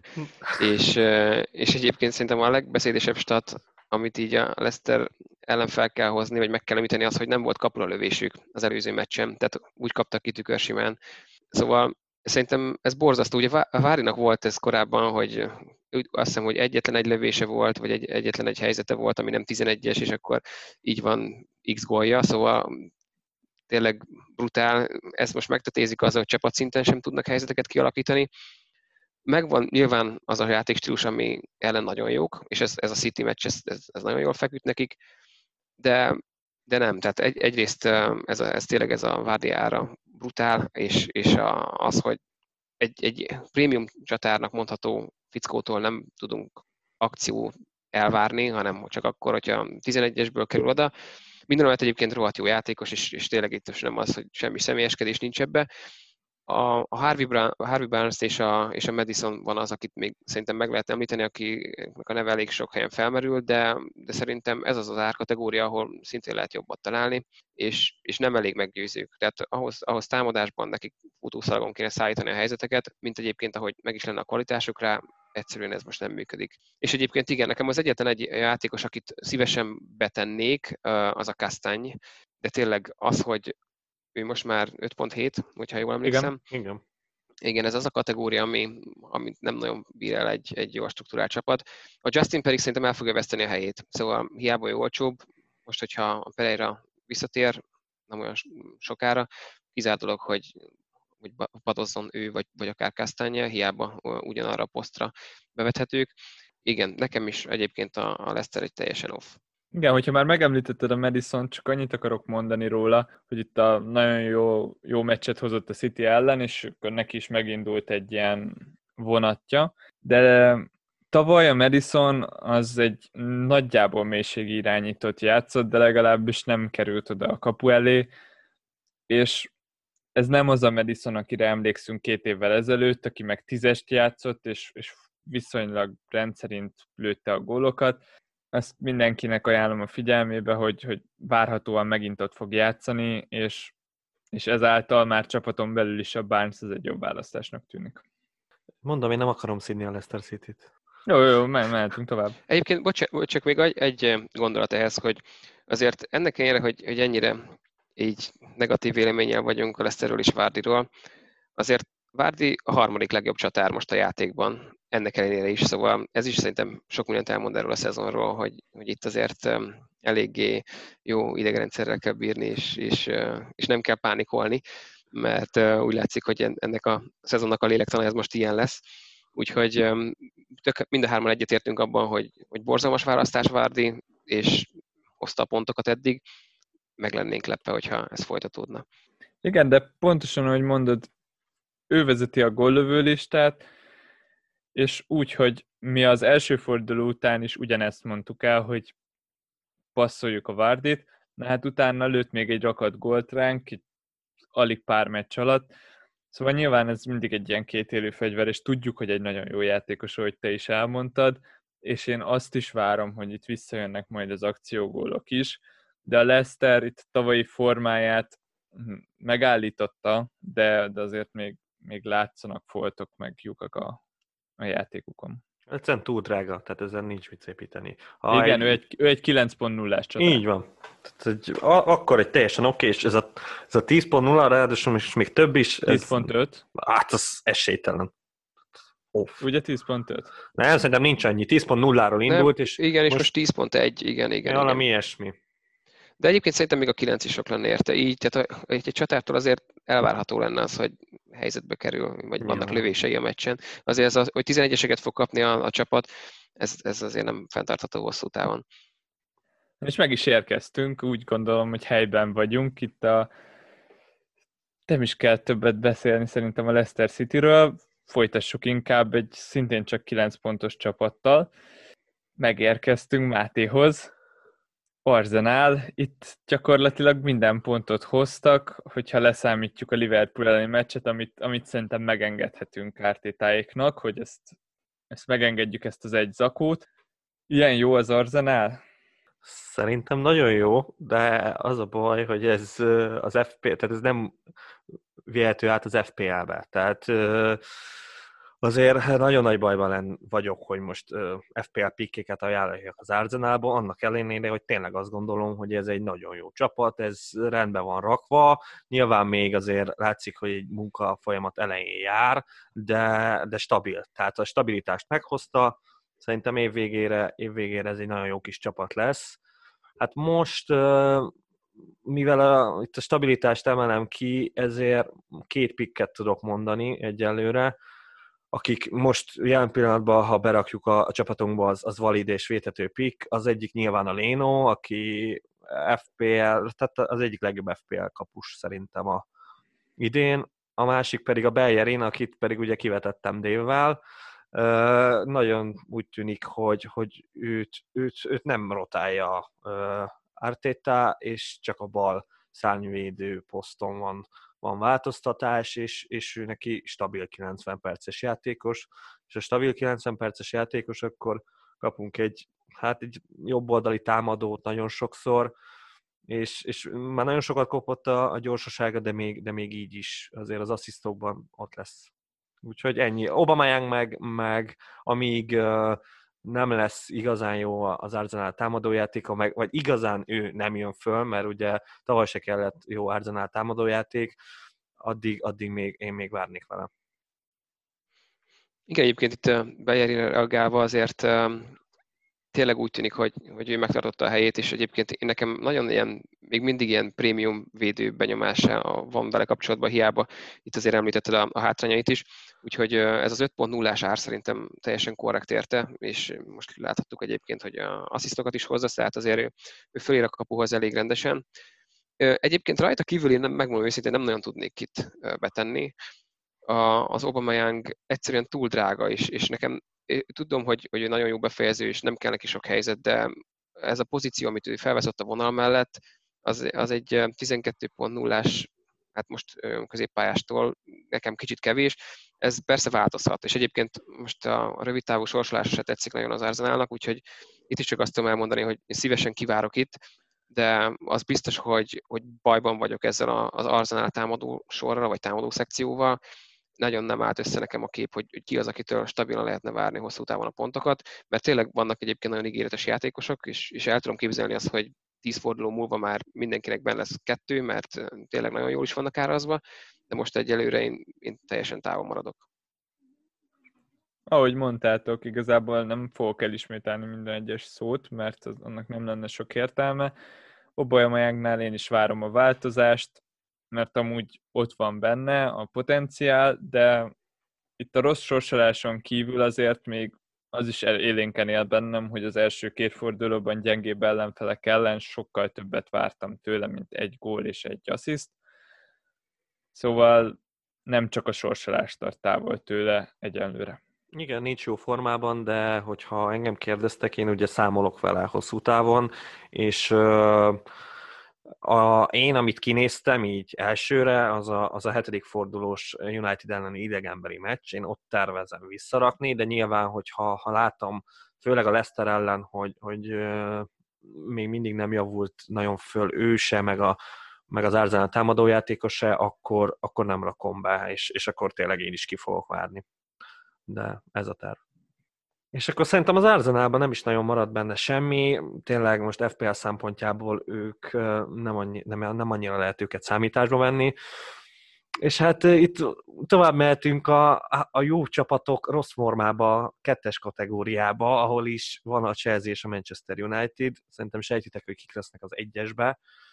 És, és az a szerencsés helyzet állt elő, hogy két Manchester United szurkoló van itt velem szembe, és hát először is hogy vagytok, hogy érzitek magatokat, jól vagytok, ha mennyit ittatok az elmúlt 5-6 napban, szóval, hogy mi van Manchester, Manchester pirosabbik felém.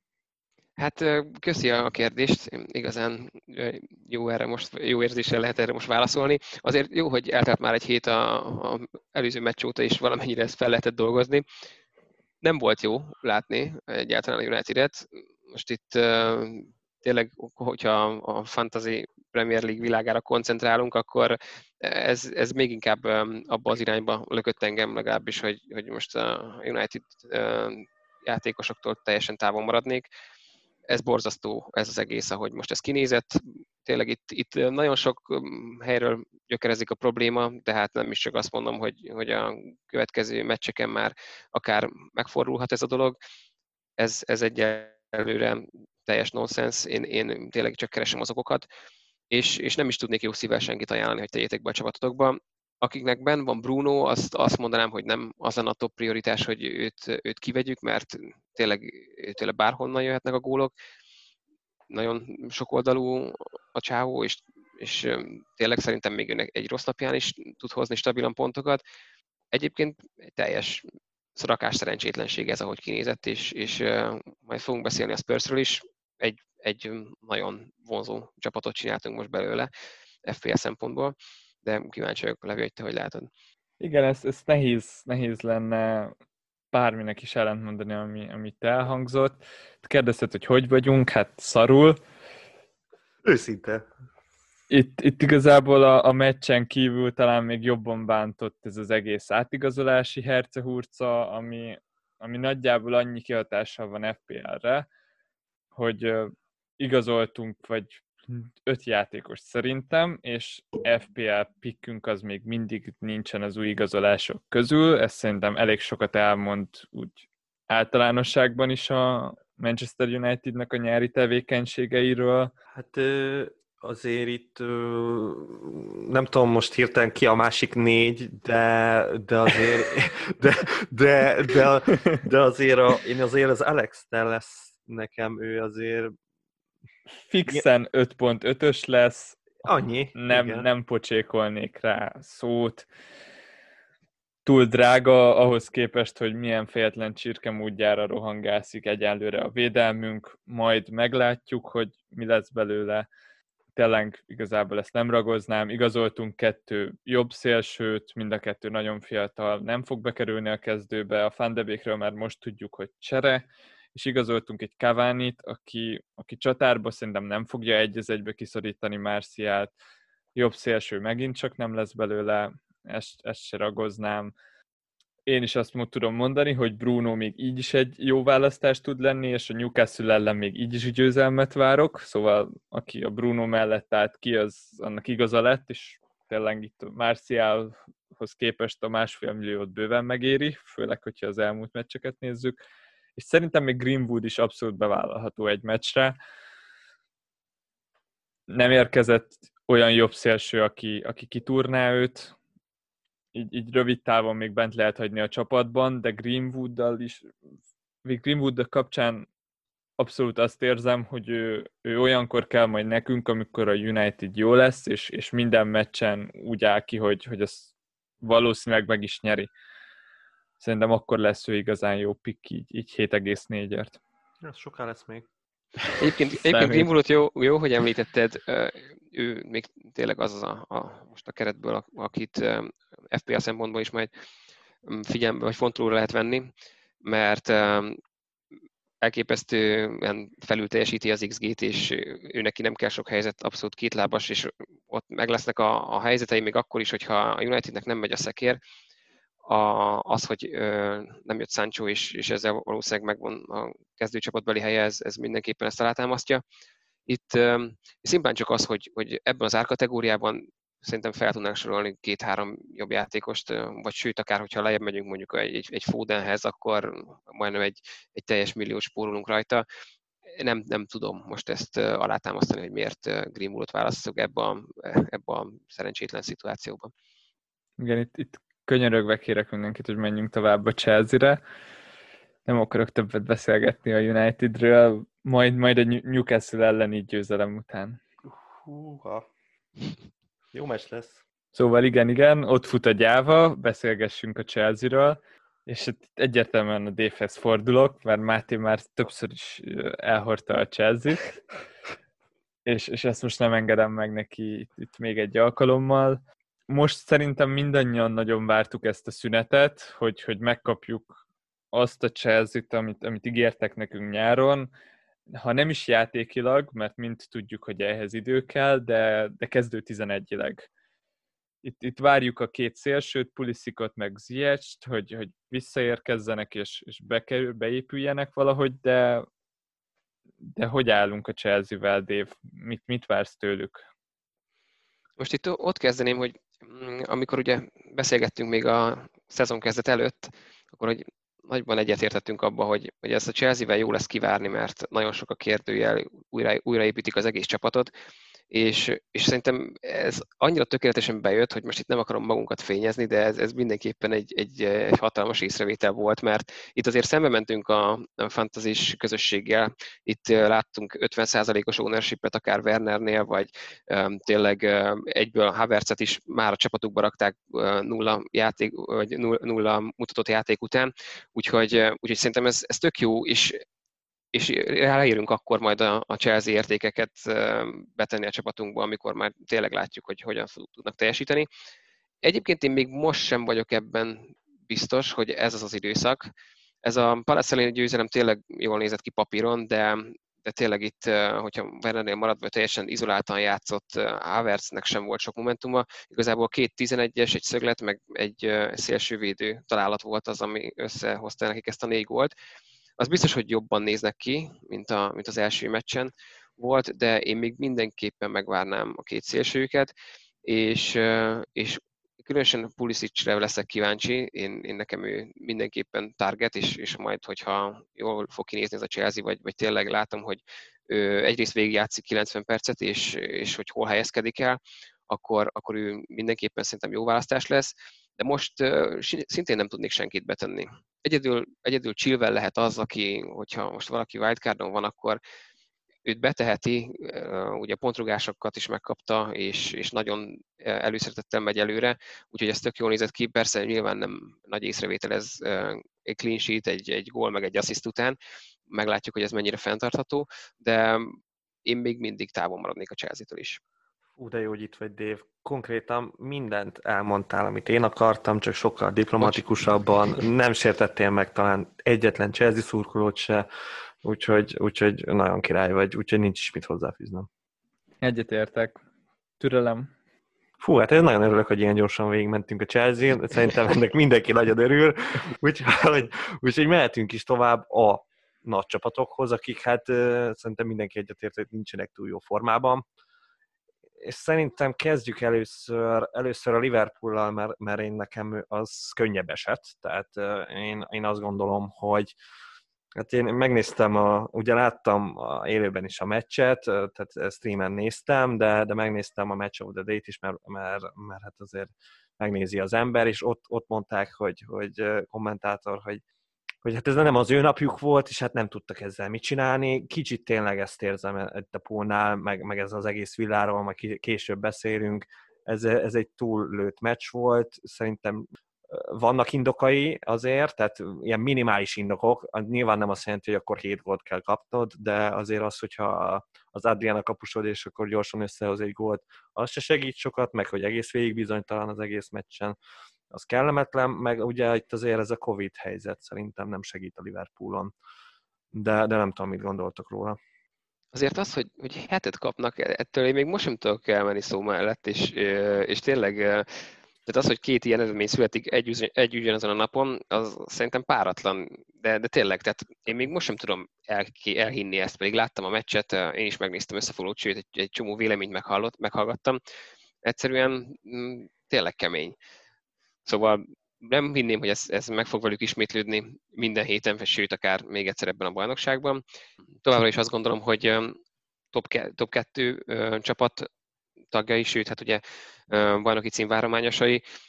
Én szerintem egyikőjükről sem mondom azt, akit, akit a, a szezon kezdet előtt jónak tartottam, itt akár a Salámáné, meg a két szélső hátvédről van szó, hogy bármennyivel rosszabb pikek lennének, sőt, az nagyon-nagyon tetszik, hogy sokan kirakják őket a csapatukból, mennek le az ownership többet lehet majd hozni rajtuk.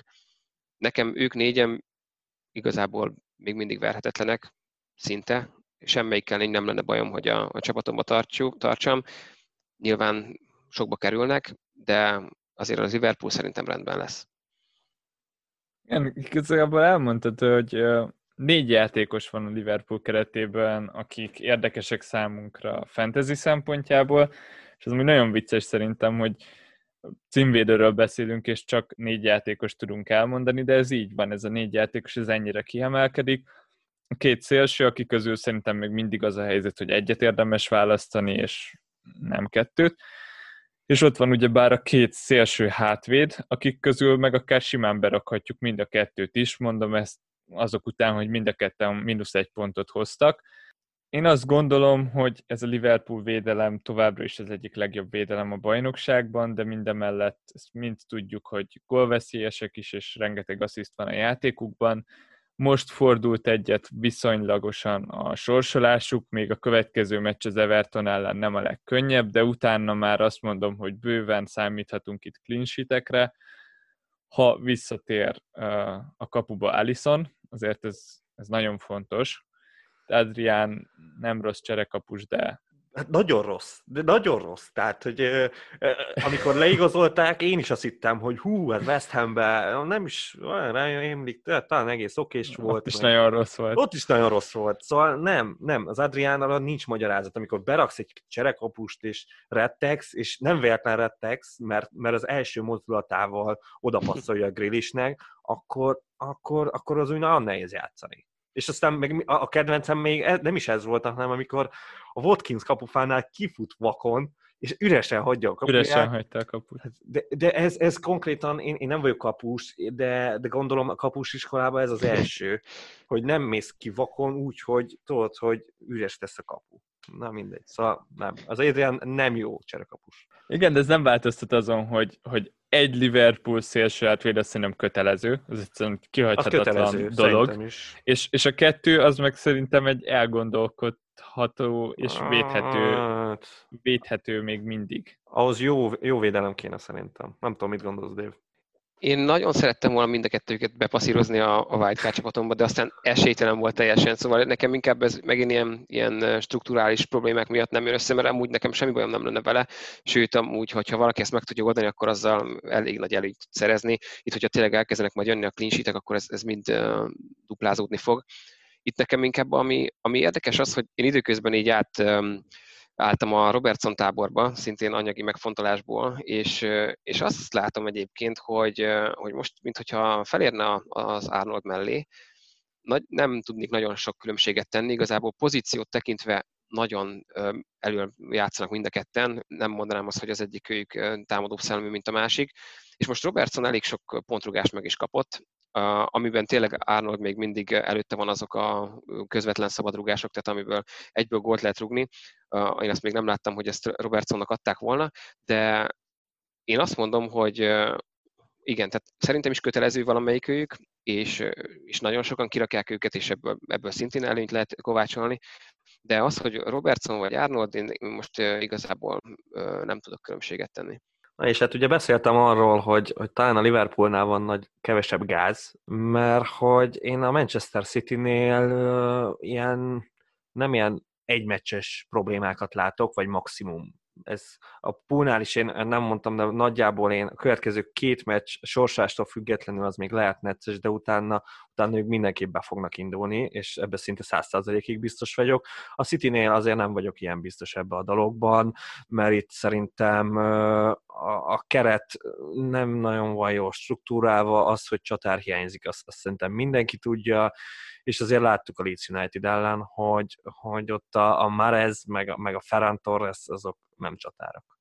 Nem csatárok, de, de fog ide érkezni csatár, úgy nagyjából két forduló múlva, szóval ezt így nem gondolnám túl, mert Jesus fog hamarabb érkezni, de ha netán Aguero jönne, az ugyanúgy jó lesz a Citynek. Hiányzik a csatár a keretből, de ez, ez nem lesz hosszú távú történet. És a City játékosokkal olyan szinten könnyű dolgunk van, hogy a védelem az túl drága, ebben szerintem mindegyet érthetünk, csatáruk az, mint beszéltük, nincsen. Szóval itt, itt válogathatunk a középpályások közül. És, és itt nyilván itt a legnépszerűbb választás az Kevin De Bruyne, aki, hogyha a Fodennel játszana egy egész évet, akkor szerintem nem lenne opció a jelenlegi árán, mert így, hogy a Fodinho van mellette, így jóval visszább játszik, mint, mint hogyha mondjuk mögötte lenne egy Gündogán meg egy Rodri. Szóval én, én itt nagyon erősen várom azt, hogy, hogy változás legyen, és, és előrébb tudjon kerülni Kevin, mert nagyon nem tetszett a Leeds ellen. Ez az a kapufa, amit rúgott, az isteni volt. Ha az bemegy, akkor kicsit más szempontból nézhetnék a meccset. Igen, én úgy vettem észre egyébként, hogy, hogy most Guardiolának ezt a Fernandinho pótlást megtalálni, ez most nagyon nehéz, és, és ez emiatt szenved a csapat, nem nagyon tudja hova pakolgatni a játékosokat. Én De Bruyne-től azt várom, hogy föl lesz, följebb lesz tolva, ugye, ugye az arzenáli meccsen Pep azért szereti őt a csatár mögött játszatni, úgyhogy ő szerintem most így rövid távon rendben lesz. Kicsit kételj nekem is a City. Meg, a helyzeteik megvannak, igazából igen, Guardiola itt túl a dolgokat, de szintén, tehát ugyanúgy, mint a Liverpoolnál, én nem nagyon kongatnám a vészharangokat. Szerintem De Bruyne, Sterling, nagyon jó választás, már ez is, és, és Foden is, és ráadásul De Bruyne kivéve, igazából az ownership is nagyon alacsonyan vannak, szóval itt is, hogyha a City beindul, akkor azért ebből jó előnyt lehet majd kovácsolni. De tudom, hogy neked is ben van a KDB és a Sterling, ugyanúgy, ahogy nekem. Nem gondolkoztál el azon, hogy túl sok a két ilyen drága City középpályás? Ez, ez nyilván akkor fáj, hogyha, hogyha nem tudják azokat a pontokat hozni, amik, amiket elvárunk tőlük, és egyébként, tehát most így a, a két meccs alatt ugye egy Sterling gól volt ebbe az egészben, ami, ami nagyon kevés ennyi pénzért, de egyébként abszolút, mm, hogyha ezzel nem fog sokat várni, sőt egyébként most Sterling egyébként sérültként van feltüntetve, most erről nem hallottam, hogy mennyi lesz készen a hétvégére, hogyha nem, de egyébként ez egy hamstring injury, szóval az azért eltarthat hosszabb ideig, hogyha nem, akkor az, az egy jó indok lesz, hogy ezt megbontsam, és egyébként igen, gondolkozok rajta abszolút, de nagyon szeretném, tehát ez inkább ilyen wishful thinking, szóval, hogy nagyon szeretném, hogy beinduljon, és akkor e, ezzel már nekem kész lenne ugyanúgy mond a csapatom, vagy a, vagy a City középpályás ugye meg lenne mind a, mind a két tag, amit majd mindenki utána be akarna tenni. Úgyhogy ez lehet, hogy egyébként már most a hétvégén megoldódik. A két középpályás, aki még említésre méltó, de talán nem annyira beszéltünk róla, az már ez is a Foden. Itt már eznél mindenképpen azt érzem, hogy a környékén találunk jobb opciókat, mert a kezdőben a helyesen biztos, itt tavaly láttuk, hogy mennyit tudja őt rotálni Pep, és amikor játszik, akkor is ő ugyebár benne van a két gól is, meg az is benne van, hogy mint az előző meccsen nagyjából jó lövő helyzetig se jut el. Szóval nekem emiatt nem tetszik. Fodennel pedig nekem nagyon meglepő az, hogy, hogy nem a játékpercek a legnagyobb problémák, hanem az, hogy játszik, de nem hozza a pontokat. Hat és félért úgy vagyok vele, hogy ez, ez még eltűröm, de, de bosszantó, hogy, hogy pont a nehezebbik fele a képletnek az, az összejött, de Figyelj. a könnyebbik az meg kimaradt.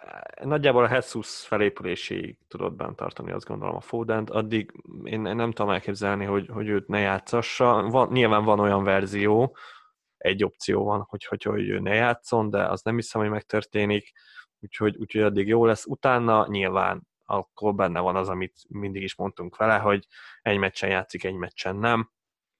Hát igen, utána, utána már lehet, hogy nem lesz olyan ígéretes hat és fél érse.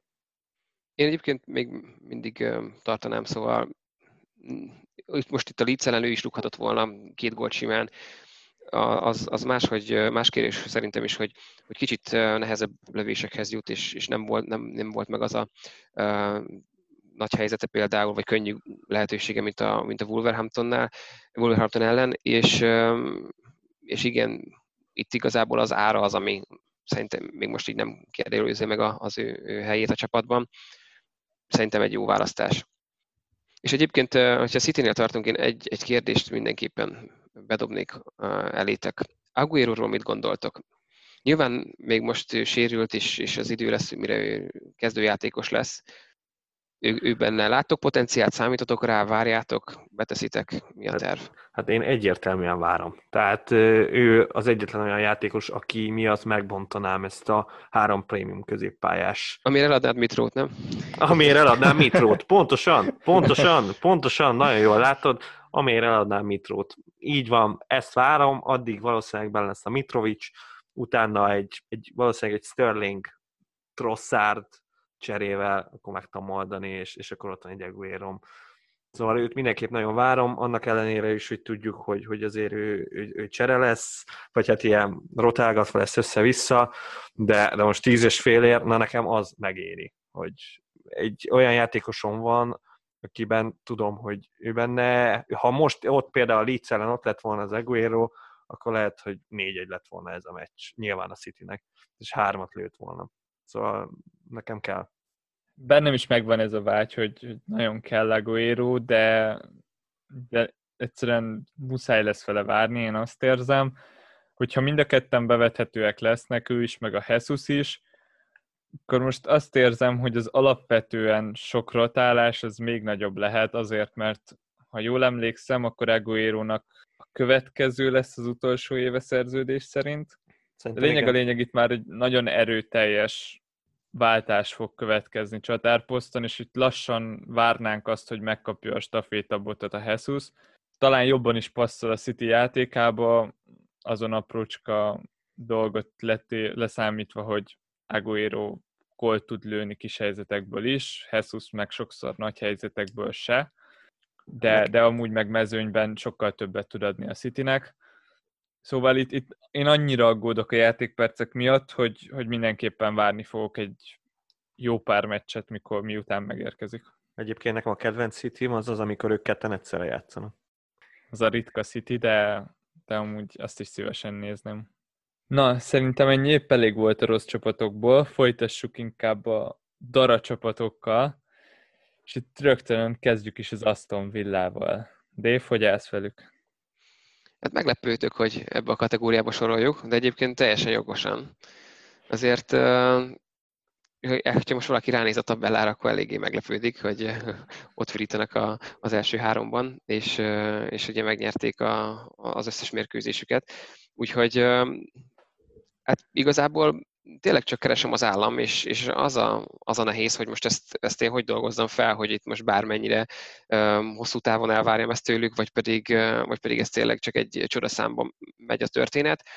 Nem néznek ki rosszul, és, és minden vállalkozást felül teljesítenek. Az, az uh, a problémám csak, hogy egyre nagyon kicsi a mintavétel, és tényleg csak ebből a, a három meccsből tudunk uh, gondolkodni, de tehát önmagában az, hogy hetet vágtak a Liverpoolnak, és, és még volt több helyzetük is, több nagy helyzetük is, amit kihagytak, ez azért ettől jobb ajánlólevél nem kell. Úgyhogy én igazából az a megközelítésem, hogy, hogy olyan nagyon jó szívvel nem tudnám ajánlani őket, mert tényleg kicsit, kicsit bizonytalan, hogy most ez mennyire fenntartható, de, de máskülönben pedig hülyeség lenne figyelmen kívül hagyni akár Watkinsnak, akár Glishnek a, a teljesítményét, és, és tényleg ugye Watkins Mester 3-as lőtt, rúgott egy kapufát, meg kihagyott azt hiszem még kettő zicsert, és tényleg egy ilyen, ilyen 3,2 lövése van a, a 16-oson belül, és, és 1,6-os XG-je, úgyhogy, úgy, úgyhogy nem, nem semmi, és szerintem az ára sem rossz, úgyhogy aki, aki csatárt akar most, akkor, akkor ezt, a, ezt a Watkins szerintem most igazán bepróbálhatja. És egyébként ugyanígy Grill is, is azért az előző szezonban megmutatta, hogy ő azért el, el tud tűnni, és, és valószínűleg, hogy nem fogja megváltani a világot, de mindenképpen szerintem most, aki egy kicsit úgymond kockáztatni akar, akkor őket, kettőket abszolút tudom javasolni. Akár Chadams helyére is. Hát még akár az is lehet. Még akár az. Nem tudom, én, én hasonlóan vagyok a villával egyébként, de aztán utána, hogy kicsit lenyugodtam, akkor azért fölmerült bennem az a kérdés, hogy, hogy ugye az tény, hogy tavaly majdnem kiestek, ebbe szerintem nincs vita, és abba sincs, hogy azért, ha megnézzük, nem sokban változott ez a keret tavalyhoz képest. A Watkins az nagyon nagy erősítés, ahhoz biztos, mert csatáruk nem volt. Hát ha Wesley csatárnak nevezzük, az, az, az akkor az elég erős. És, és jött egy nagyon jó kapus, jött egy okés jobb hátvéd, de ennyi igazából, a keret ugyanaz, és, és azért ennyivel nem kéne, hogy jobbak legyenek. Tehát ez nem valós tavaly is jól néztek ki, aztán nem nagyon lőttek gólokat, és a, aztán ugye a, nem tudom, februárra, meg, meg január-februárra talán a, a liga egyik legrosszabb csapata volt, ha a Brighton nem lett volna ott. Szépen várjunk ezzel, de, de a Watkins az engem is nagyon csábít az a baj, és nagyon nehezen tudok ellenállni neki. Figyelj, azért szerintem sokat változtak ők ugyebár úgy jutottak fel a Premier League-be, hogy nagyjából kölcsönjátékosokra épült a csapatuknak a fele, szóval egy ilyen félkezű óriásként jöttek fel, és pont ezért mindannyian azt vártuk, hogy kiesnek, de óriási bravúrral benn maradtak, és szerintem most tök jól összehozták azt, hogy két nyári átigazolási szezon alatt úgy nagyjából összehoztak egy jó keretet, de jó alatt értsd azt, hogy képesben maradni a Premier League-ben. Megtartották a legjobb játékosukat, nyilván ez volt a legfontosabb, de itt, ahogy mondtad, kapus, jobb hátvéd, na most érkezett kölcsönben a leggyengébb pozíciójukra egy Barkley, ami megint csak sokat fog számítani, mert ott középpályán a Hurricane volt a legrosszabb játékosuk, és még nem épült be, de jobb szélre is hoztak egy, egy új igazolást, szóval itt, itt nem is a BR reményekről, de egy biztos bennmaradó szezont várok ettől az Aston Villától. Engem most meglepődnék, hogyha ha ezek után, ilyen jó kezdés után, meg 9 pont után kiesnének. És, és Watkins meg 6 és félbe kerül, szóval ja, nekem most azt értékel ezzel a 7-2-vel, hogy, hogy watchlistre raktam őket, mert eddig még ott se voltak, és itt a két említett játékoson kívül még egy, egy targetet raktam a watchlistre, aki nagyon olcsó, támadó, balhátvéd, esetleg majd a későbbiekben még lehet, hogy jöjjön. Ez vagy, csak, vagy csak egy, egy, egy kis kiigazítás, 5.9-be kerül, szóval még olcsóbb. Úgyhogy uh, igazából már majdnem ki lehetne cserélni egy az egybe Adamsre. Hát én, én most az adásig én abban hitbe voltam, hogy telibe cserélhetem őket, de ezek szerint Adamsnek sikerült 0-1-et lemennie. Egyébként jó, hogy említetted a, a, a kapust, Máté, azért ez a Martinez nagyon jól néz ki ott, és oké, okay, most gőzerővel megy fel az ára, de ő is azért 4,5-ről indult, és, és egyébként tényleg a védéseiért is sok pontot fog hozni. Nagyon stabilnak tűnt, még a Liverpool ellen is, úgyhogy igazából őt én tudom jó szívvel ajánlani, szerintem jó azért hozni fogja a pontokat. És igen, egyébként, a, hogyha most a védelemben még keresgélünk, vannak azért hasonló kaliberű kezdőjátékosok, Úgyhogy szerintem most ezt a villát erre rá lehet próbálni, aztán olyan nagy veszíteni való nincsen.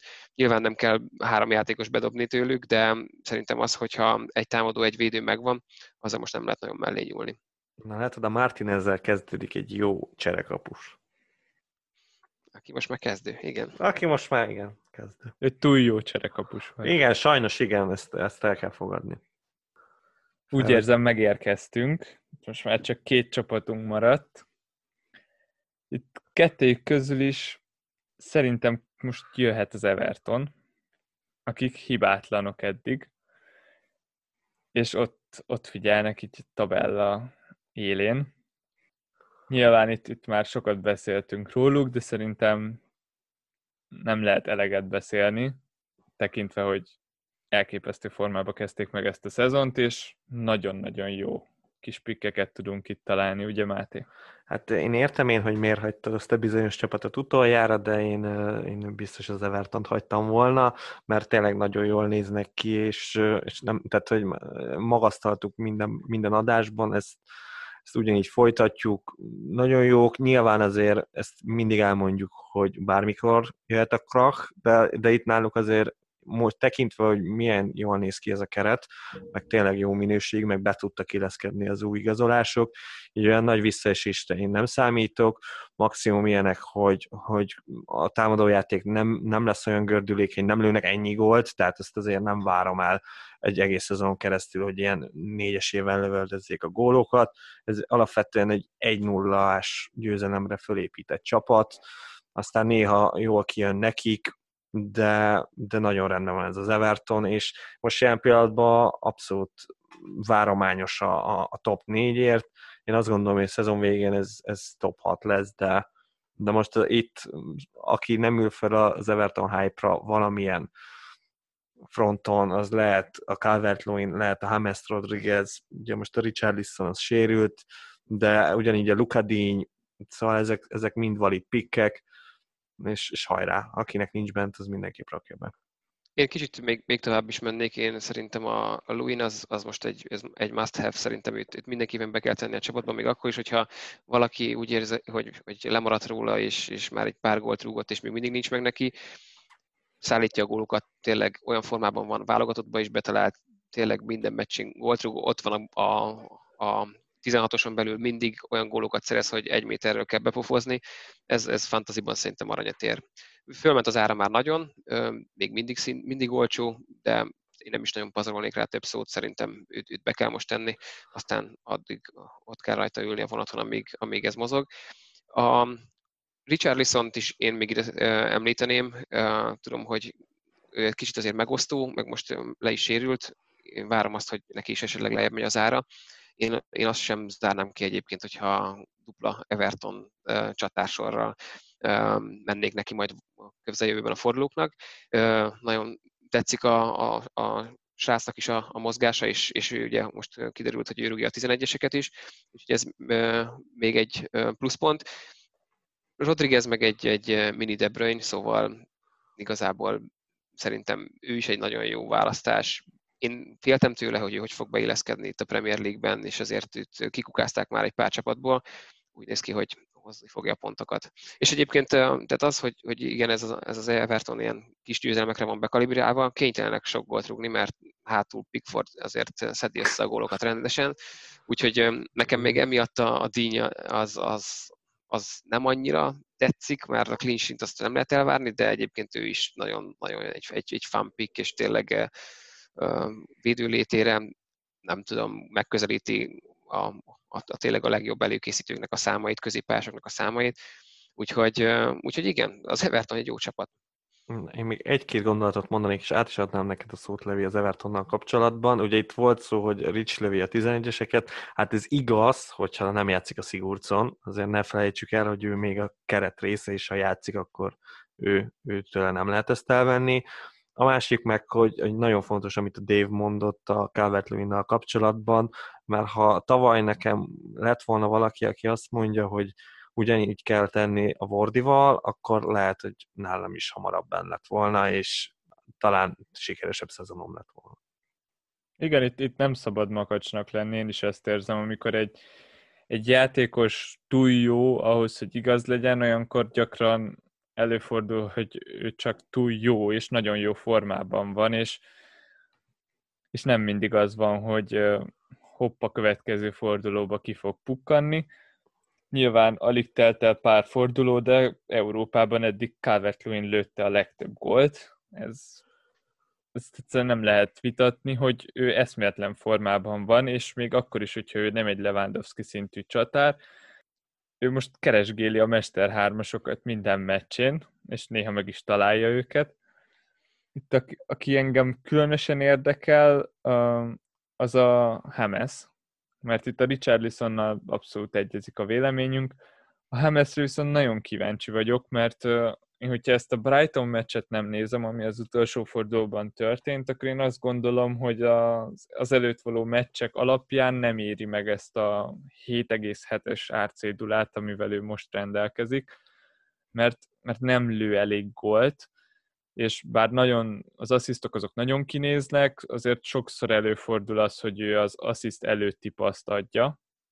Szóval itt, itt nagyon kíváncsi vagyok a véleményetekre, hogy, hogy szerintetek itt mennyire lesz benne a gól játékában, mert oké, okay, hogy most lőtt két gólt, ami lényegében ugyanez a gól volt, és a Brightonon múlt félig meddig. Ez, ez szerintetek hogy fog kinézni a jövőben? Szerintem nem fog sok gólt lőni. Én inkább itt az asszisztok miatt vagyok odáig érte.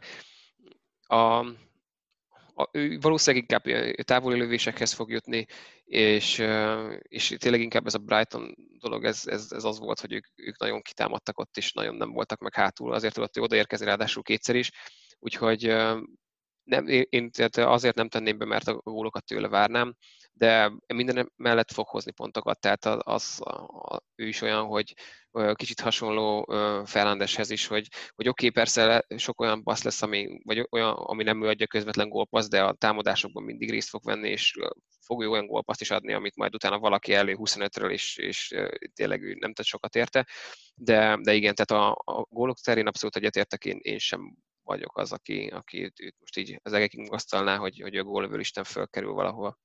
Én teljesen veletek vagyok, de én ezt nagyjából meg is tudom indokolni egyébként, hogy én azt vettem észre, hogy ha, ha az alap középpálya játszik, tehát ez az Alan Ducouré, mondjuk André Gomes, az mondjuk nem annyira fontos, de mindegy, szóval ha ez a középpálya játszik, akkor Hamesnek ö, sokkal inkább van ez az előkészítő, ez a gólpassz előtti passz, amit mondtatok, mert, mert, hogy, mert hogy azért most itt a Brighton elleni meccsen, még a Sigurdsson olyan is, amilyen, ő azért nagyon sokat segített ezen, és, és egyébként, ha, ha meg pont így a, a Dukuré meg az ellen is játszanak, én pont a Dukurétól várnám azt, hogy, hogy ő fölér majd így ezekben a második hullámban, nem pedig a Hamesztől, de, de aztán majd kiderül ez később, de mondom én, én valami ilyesmit azért, azért már észrevettem. Itt még egy gondolatom van az Everton kapcsán, és az, az nagyjából az lenne, hogy uh, itt említetted Sigurdsont, és most ugye bár kiesett az Álland is, meg a Gomes is, és bejött kettő ilyen B-kategóriás játékos, a Sigurdsson Fú. meg a Davis, és, uh, és az Everton így is jól nézett ki. És ez, ez szerintem egy ilyen nagyon érdekes kis információ hát- velük kapcsolatban, hogy, hogy ugyanaz ott folytatták, ahol abba hagyták, akkor is, hogyha ha azért így visszábbestek a, a kezdő minőségét illetően, sőt, mi több, ami után Richarlison lesérült, és Ivobit kellett behozzák helyére, még azután is jöttek a gólok, és ez, ez, ez nagyon pozitív változás így a tavalyi évhez képest. Mert ezek, az az igazság, hogy ezek nem kezdőjátékosok, és sajnos tavaly ezeknek kezdeni kellett, de cserejátékosnak, hogyha van egy Sigurdsonod, meg egy Ivobid, az több, mint jó. Az, ha az Arzenálnak lenne ilyen jó cserepadja, akkor, akkor lehet, hogy előrébb tartana. Jöjjön a csapat, amit utoljára hagytunk, nem véletlenül ezek szerint. Hát itt én igazából egy kérdést tennék föl, és ha erre azt mondjátok, hogy igen, akkor lehet, hogy tényleg Kane és Son alap, alapjátékos. Lehet, hogy ez igaz, hogy Mourinho Milánó óta először igazán hazatalált a Tottenham Hotspur menedzselésében? Hú, um, erre most nehéz egy igent vagy egy nemet mondanom.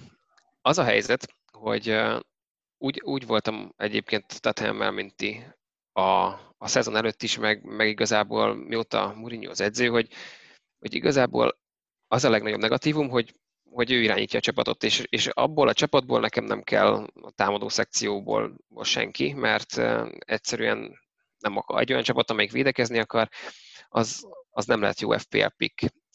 És, és most ott tartok, hogy, hogy, hogy ez, ez tölti ki a leginkább a gondolataimat itt az FPL kapcsán, mert mert ez, ez megváltozóban van. És, és most itt hadd dobjak be egy pár számot, így, így tényleg Son és, és Kén alapján, akik ugye mind a ketten ilyen 40 pont felett teljesítenek négy forduló alatt, és itt olvastam egy olyat, hogy hogyha most valaki Szont és Kén végig a csapatába tartja, és az egyik őket teszi meg kapitányként, akkor már 130 pontot elér ezzel. Most nekem a, a pontjaimnak a több mint az 50%-át jelenteni ezt, tehát egy elképesztő, ketten 9 gólt és, és 6 gólpaszt adtak a, a bajnokságban, eddig az adott a négy meccs alatt. Kén félidőnként egy gól vagy gólpaszt hoz, tehát elképesztő. Én, én most itt nem tudok más számokat mondani, és, és azt mondom, hogy igaz, előbb beszélgettünk a makadságról, hogy emellett nem lehet elmenni szó nélkül, és, és én most nem tudom azt mondani, hogy, hogy igen, ez változni fog, és, és majd, majd igen, mindegyiket meg lehet magyarázni, hogy most miért rúgtak ötöt a Southamptonnak, miért rúgtak hatot a Unitednek, vagy hetet a Európa Ligába, de ez most már inkább szerintem inkább ilyen kifogáskeresés lenne, és én azt mondom, hogy, hogy fel kell ülni erre a vonatra.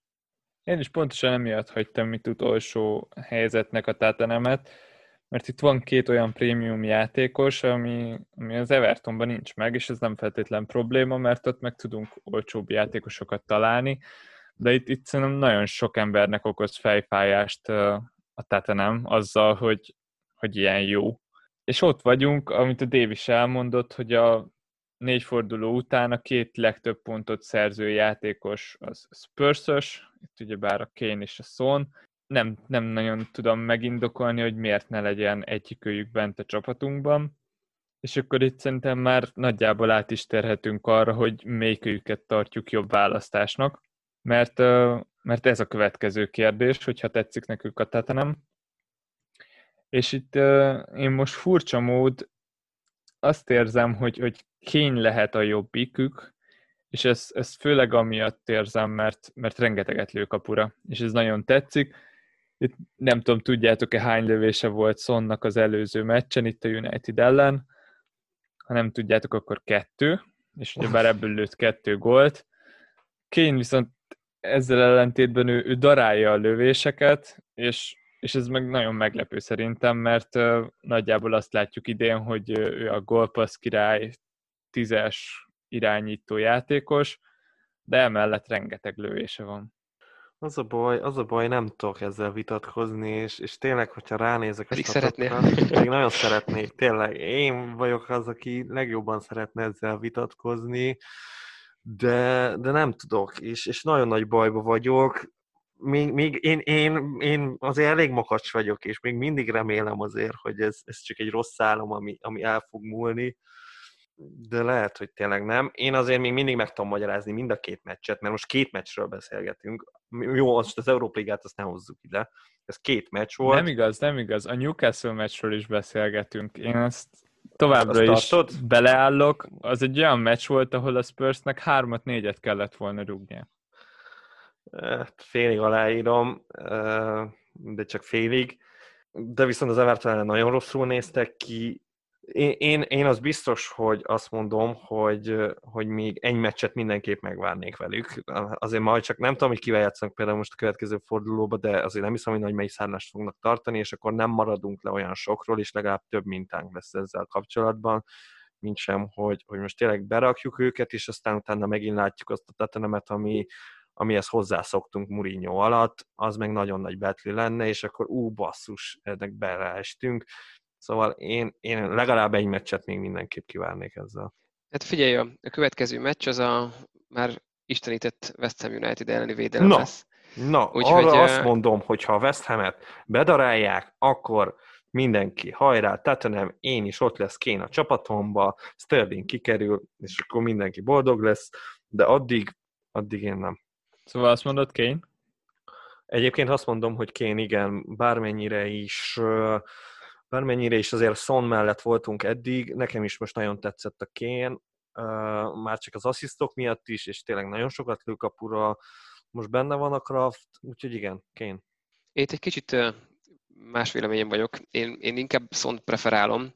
A, az, az a statisztika, amit mondtál, Levi, ez, ez tényleg meggyőző. Viszont um, itt egyrészt az, hogy Szon olcsóbb, másrészt középpályásként van feltüntetve a rendszerben, viszont a pályán inkább Szont látom csatárnak, és, és Kém inkább egy ilyen um, rúni-szerű pozícióban játszik, és egyébként valóban megvannak a lövések, az, hogy, hogy Son csak kettőt lőtt kapura, vagy ke- ez nekem egyébként furcsa, ő azért ő többet szokott, és egy- egyébként nagyon jó XG-t hoz, a, a, mármint hogy nagyon felül teljesítő is az XG-t, és nekem ez, ez abszolút előny, tehát most is meg kell nézni ezt a két gólját, amit lőtt a Unitednek, hogy, hogy tényleg profi volt, és, és egyébként a, a Southamptonnál is ugye minden négy helyzetét belövi, ugye a newcastle is messziről lődöste a kapufákat, tehát um, egyébként azt kell, hogy mondjam, hogy nagyon nem tud rossz döntést hozni az ember, hogyha bárkit is betesz.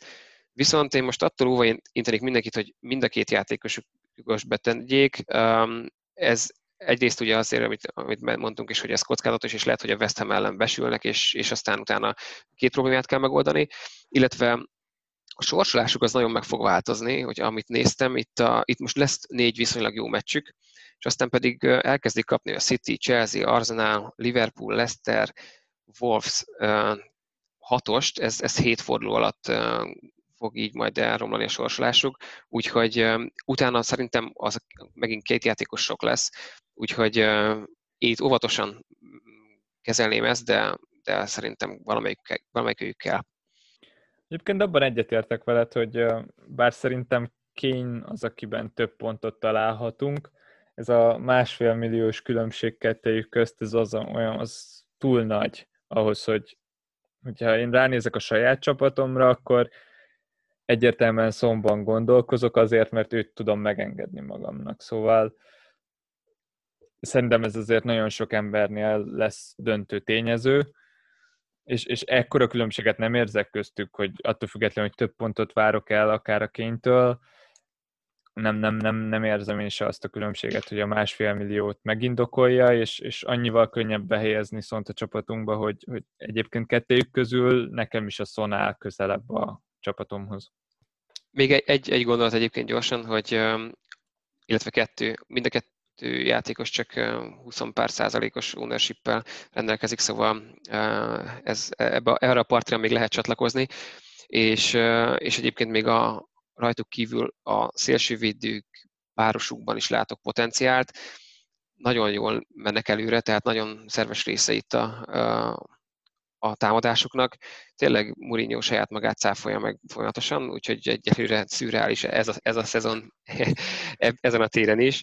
Ráadásul az, hogy mind a kettőjük így előre mehet, Hazaér. meg az, hogy így így, így, így Doherty-t is, Doherty is lerakta a padra, szóval nem tudom, meg, meglep, meglep abszolút. Um, nyilván védők azért uh, még, még szerintem ezzel várjunk ide, de igen, uh, jó, jól, jól néz ki most az. Ezért itt a rotálás benne van, nem? A szélső védőknél. Hát a Doherty oh. párosban mindenképp. A, a Regilon, meg Davis ott is. Szóval igen, neccesek. Ja, igen, ez, ez um, valós.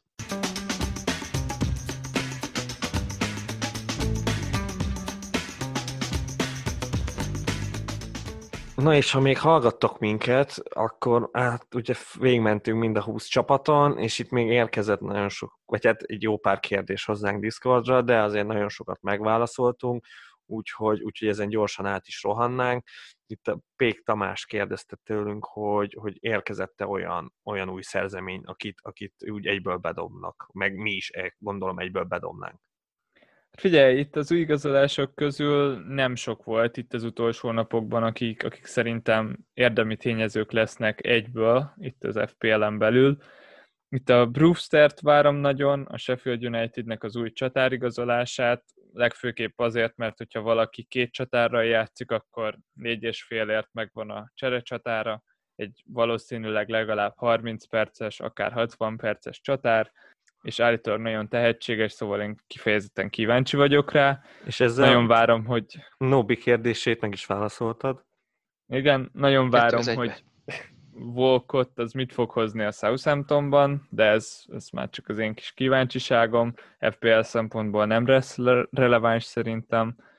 És az utolsó napokból még, ami érdekes szerintem az az, hogy a Loftus Cheek az kölcsönbe ment a Fulemhez, és ez azért lesz érdekes, mert így előfordulhat, hogy három olyan játékos lesz a Fulemben a pályán, aki tud focizni. Fú, igen, elég durva dolog. Én nem tennék sokat hozzá, én amúgy sem vagyok nagyon híve az új igazolásoknak, hogy egyből bedobjuk így a csapatunkba. FPL szempontból legalábbis szerintem érdemes mindegyikkel kivárni. Levi jól összefoglalta abszolút. És hát itt jött még egy elég bő kérdés, amit szerintem megválaszoltunk, de azért a teljesség igényével azért elmondom, hogy itt nagyon érdekelte Antit, hogy, hogy milyen, mik, kik a legjobb 9 millió alatti játékosok, szerintem azért itt a, a végighallgatta az adást, akkor választ kapott erre, úgyhogy most nem kezdjük el újra felsorolni őket.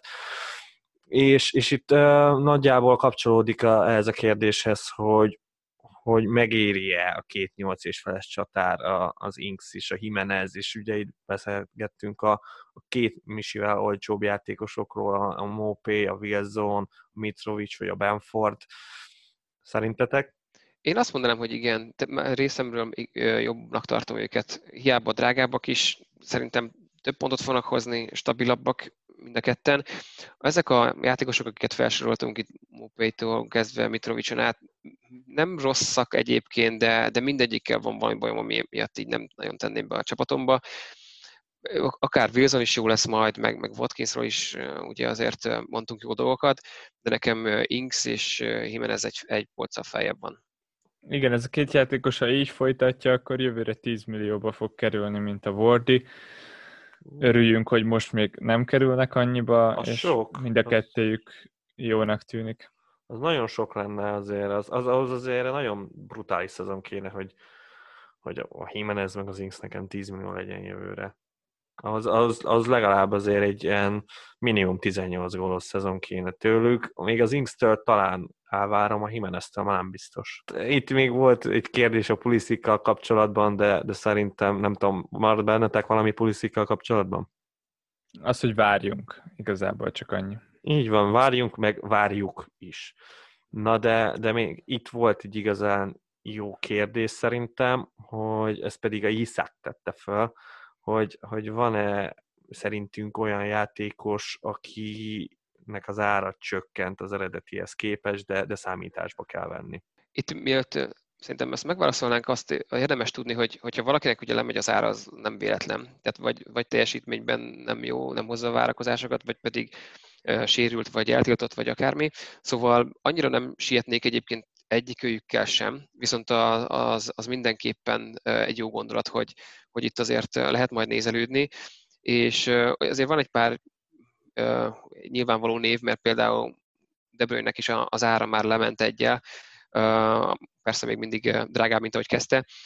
Richarlison is valószínűleg lefog, Watkins is, is olcsóbb már, mint volt. Ami még érdekes, az Mané, ő is azért rohamosan megy lefele, főleg most így a betegsége miatt. A már említett Pulisic is, Marcial is ebbe a kategóriába fog kerülni. A, amit itt külön ki szeretnék emelni, az Fanán Holt a Crystal Palace-ból. Én őt már korábban mondtam, hogy ha, hogyha visszatér, akkor benne van a pakliban, hogy nem szélsővédőt fog játszani, hanem a középpályára fog kerülni. és egyébként is nagyon jó támadó potenciál van benne, védőként van ugye természetesen besorolva, és hogyha igazak a plegykák, akkor ő fogja rúgni a tiziket is. Vagy legalábbis ez benne van a pakliban, úgyhogy őt szerintem mindenképpen érdemes monitorozni, de ugye komoly sérülésből tér vissza, szóval ez valószínűleg, hogy nem egyik pillanatra a másikra lesz. De nagyon tetszik ez a felvetésed, ez nem tudom, ezt olvastad, vagy magadtól jössz erre a dolgokra? Melyik, melyiket? Ez a fanán volt, hogy egyre följebb játszik. Hát ezt, ez a Hodzonnak a nyilatkozatából vettem én ki, Igen? mármint, hogy ő, ő mit csinált ennyire preferálja, és, és én így teszem ezt össze, hogy, hogy Fanán volt, akkor igazából nagyon jó játékos, tehát én azt, azt tudom elképzelni, hogy őt padoztatja Ja, az biztos, hogy nem, az a száz százalék, hogy nem, igen. És, és igen, és egyébként, tehát hogyha most én abban az ő játékát látva, azért igen, jobban tud támadni, mint védekezni, tehát Az így, így biztos. adná oda. Tetszik, jó. Most ugyebár eddig Slup volt a kezdő bal szélső a palászban, és Slup is volt már bal hátvéd a palászban. Szóval szerintem mind szívesen megnéznénk Fanánholtot bal szélsőben, mert azért eddig is azt éreztük vele kapcsán, hogy ő egy pályát tévesztett játékos. A Chelsea, a Chelsea is ilyen nevelések, vagy, vagy Chelsea-ről jött játékosok azért ott elő szokott fordulni el, hogy elhiszik. Bertrand balhát, vagy balszélső a BL döntőbe is hasonló. Köszönjük szépen a kérdéseiteket, nagyjából ezek lettek volna. Srácok, felétek fordulok, bár még több mint egy hét van itt a forduló kezdetéig.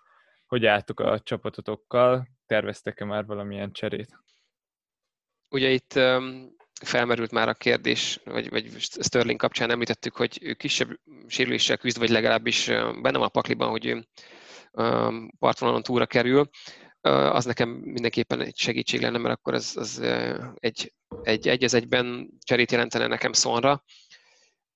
Nem nagyon van még meg a fejembe egyébként, hogyha esetleg Sterling játékra kész, akkor, akkor hogy teszem be én szont. Nekem most ő az első target, amit így említettem is, de még eléggé, eléggé bizonytalan vagyok. A másik megoldandó probléma az Adams, aki ráadásul most a Chelsea ellen játszik, én ott nem sok jóra számítok tőle. Ez a két hely az, ami, amiben én most el tudom képzelni, hogy cserélni fogok, a, a többi az elég stabil. Ugye most van két ingyen, ingyenes cserém, úgyhogy akár lehetnek nagyobb változásokat is eszközölni. Egyelőre itt tartok most. Hát nagyon hasonlóan vagyok veled, én is spóroltam a két cserével, de, de lehet, hogy nem is kell ez a két csere. A, igen, a Sterling az nagyon nagy kérdőjel, hogy most tényleg mi van vele, ha nyilván, hogy ő, ha ő sérült, akkor, akkor mindenképp oda találni kell valakit, és, és hát uh, ugye hát Bruno Fernandes és az Aubameyang lenne a fő target ott, de hát uh, azért egyik se ott tart, hogy rakjuk be, úgyhogy nekem is az kénytelen lennék a szont berakni, úgyhogy annyira nem szeretném, bevallom őszintén, úgyhogy ott, ott, ott nem, nem, nem, ott érzem a, a hiba pontot az a csapatomba. Az Adams a 100% hogy kikerül, tehát az az egysere az biztos, és hát oda keresem az embert, és, és az az igazság, hogy nagyon nagy bajba vagyok. Mondom, a Chris Wood, az nekem van egy ilyen flashem, hogy ő nagyon jó lesz, de, de hát mondjuk a megalapozó számok ez nem ezt mutatják.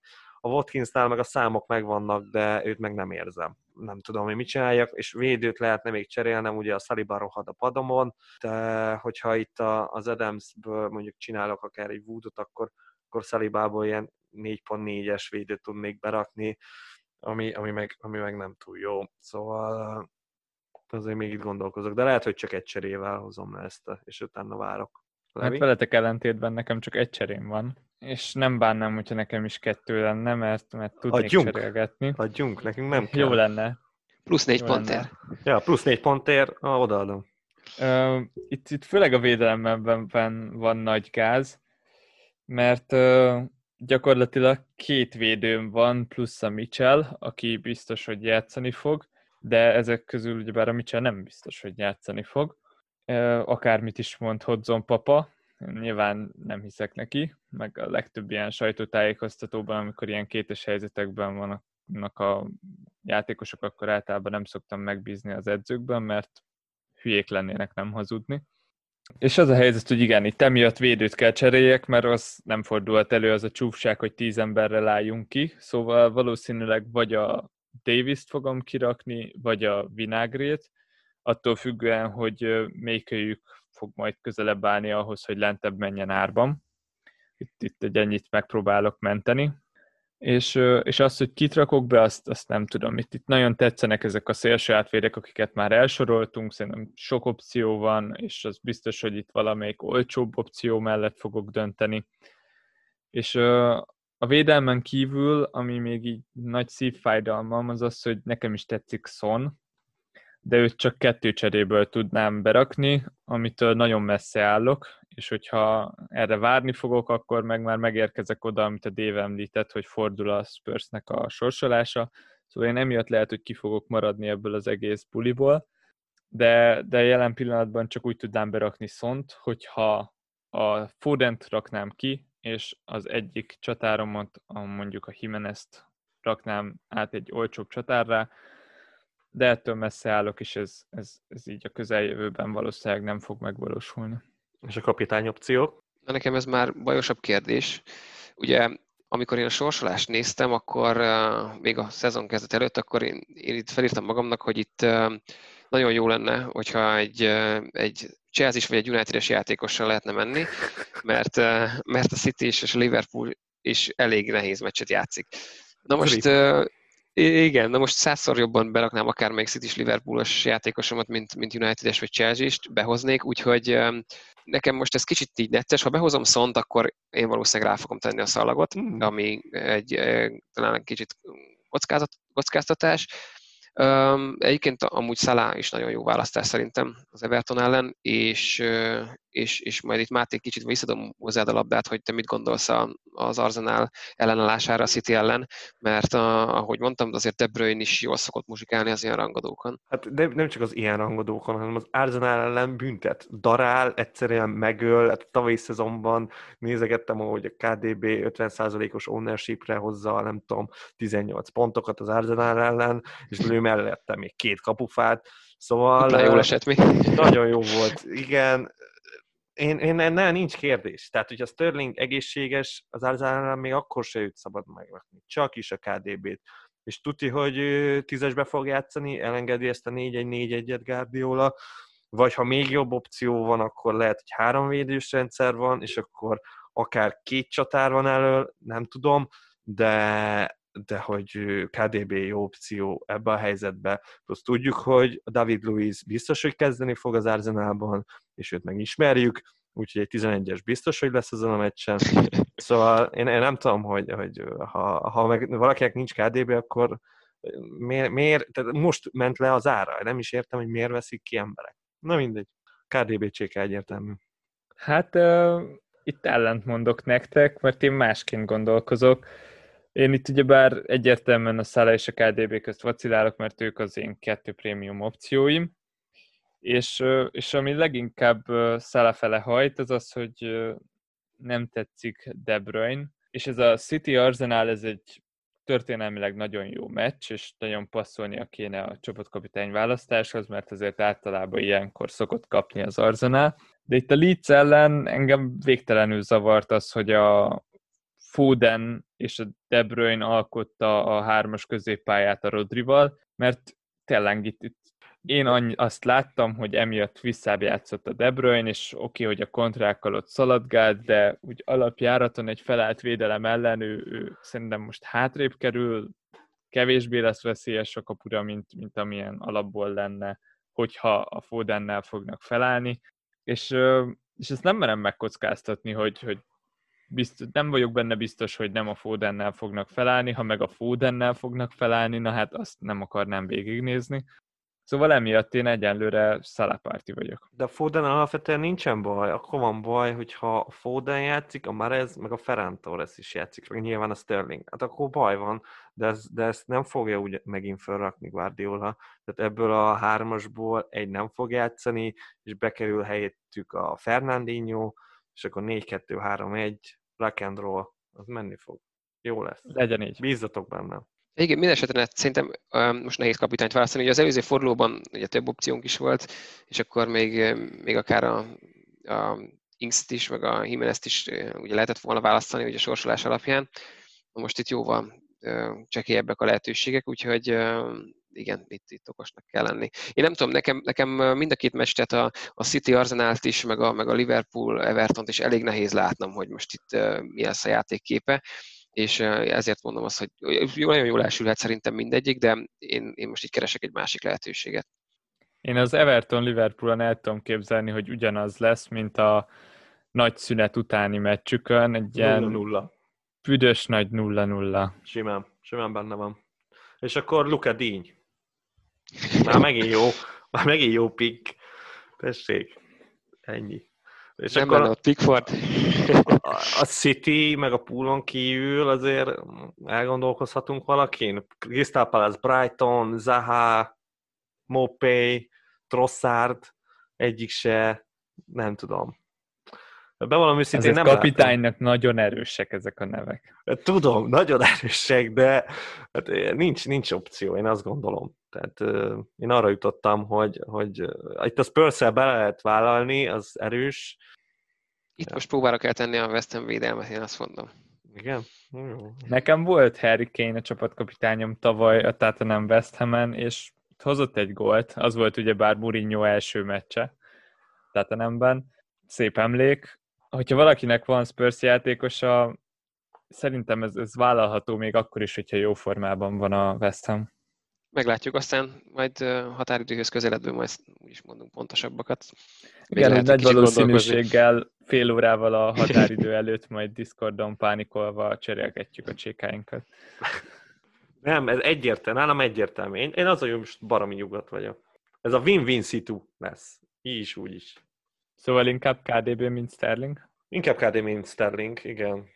Ami az fájna, hogyha Sterling darálna, bevallom őszintén, de, de arra nem látok olyan nagy esélyt. Míg a KDB darába, dara az, az, az simán benne van.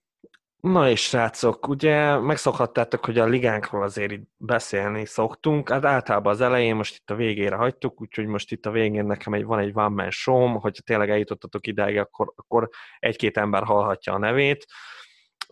Az a szép, hogy a, hogy a top 5 az nagyon szoros. Most a, ugyanis én vagyok az ötödik helyen, és három pontra vagyok az első helytől, szóval itt öten három ponton belül vagyunk. Az első helyezett az Valint Ádám, vagy Válint Ádám, nem tudom, az biztos, hogy a top 5 csapat névben biztos, hogy benne van az övé, ugyanis Lord of the Inks néven fut, tehát ez önmagában zseniális, tehát uh, top, ő, és ő a legfrissebb csatlakozó a Discord szerverünkre, ismerkedik még vele, de, de már csak a profilképe is zseniális, tehát ezért is megéri hozzánk csatlakozni, hogy azt lássa az ember.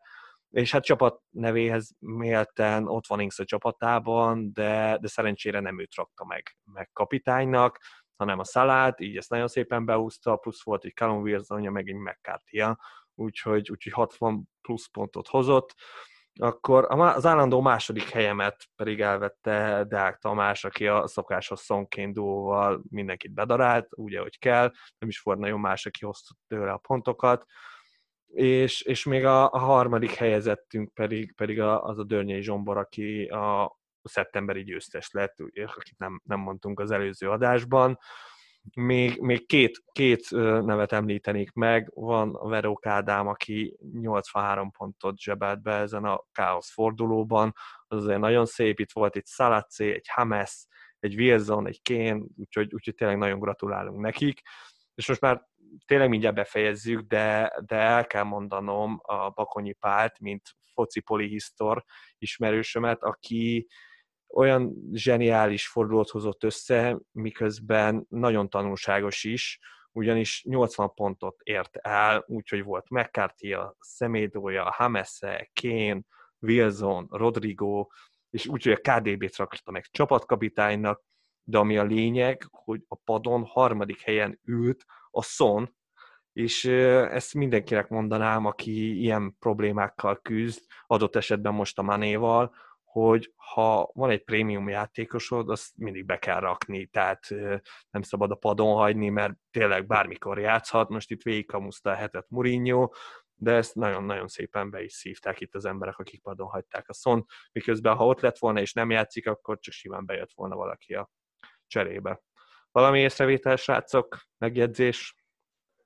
Hát Részemről... itt igazából én Zsombornak szeretnék külön gratulálni, tényleg a szeptemberi győztesünknek, mert egy egész hónapot behúzni az, az nagyon nehéz, és, és nagyon szép volt tőle. És megelőzött engem, nagyon fáj. Én is gratulálok itt az élmezőnynek elég király lehetsz egyébként már így az elejéről érről várni a fordulókat. Illetve még egy gondolat, hogy, hogy tényleg csatlakozatok a Discordhoz, mert nagyon jó közösség alakult ki, szerintem nagyon jókat tudunk ott is beszélgetni, mennek a, a poénok, megy a gondolkodás, úgyhogy ezt mindenkinek javaslom. Na, és hát végéhez értünk, Mindenkinek nagyon köszönjük a figyelmet, aki képes volt végighallgatni, mindenképpen jelzeletek vissza, vagy a Facebook poszt alá, de, de a legjobb lenne, hogyha Discordon tényleg végighallgattátok, és bizony meg fogjuk kérdezni, hogy itt a végén miről beszéltünk. És hát köszönjük tényleg a figyelmet, sziasztok!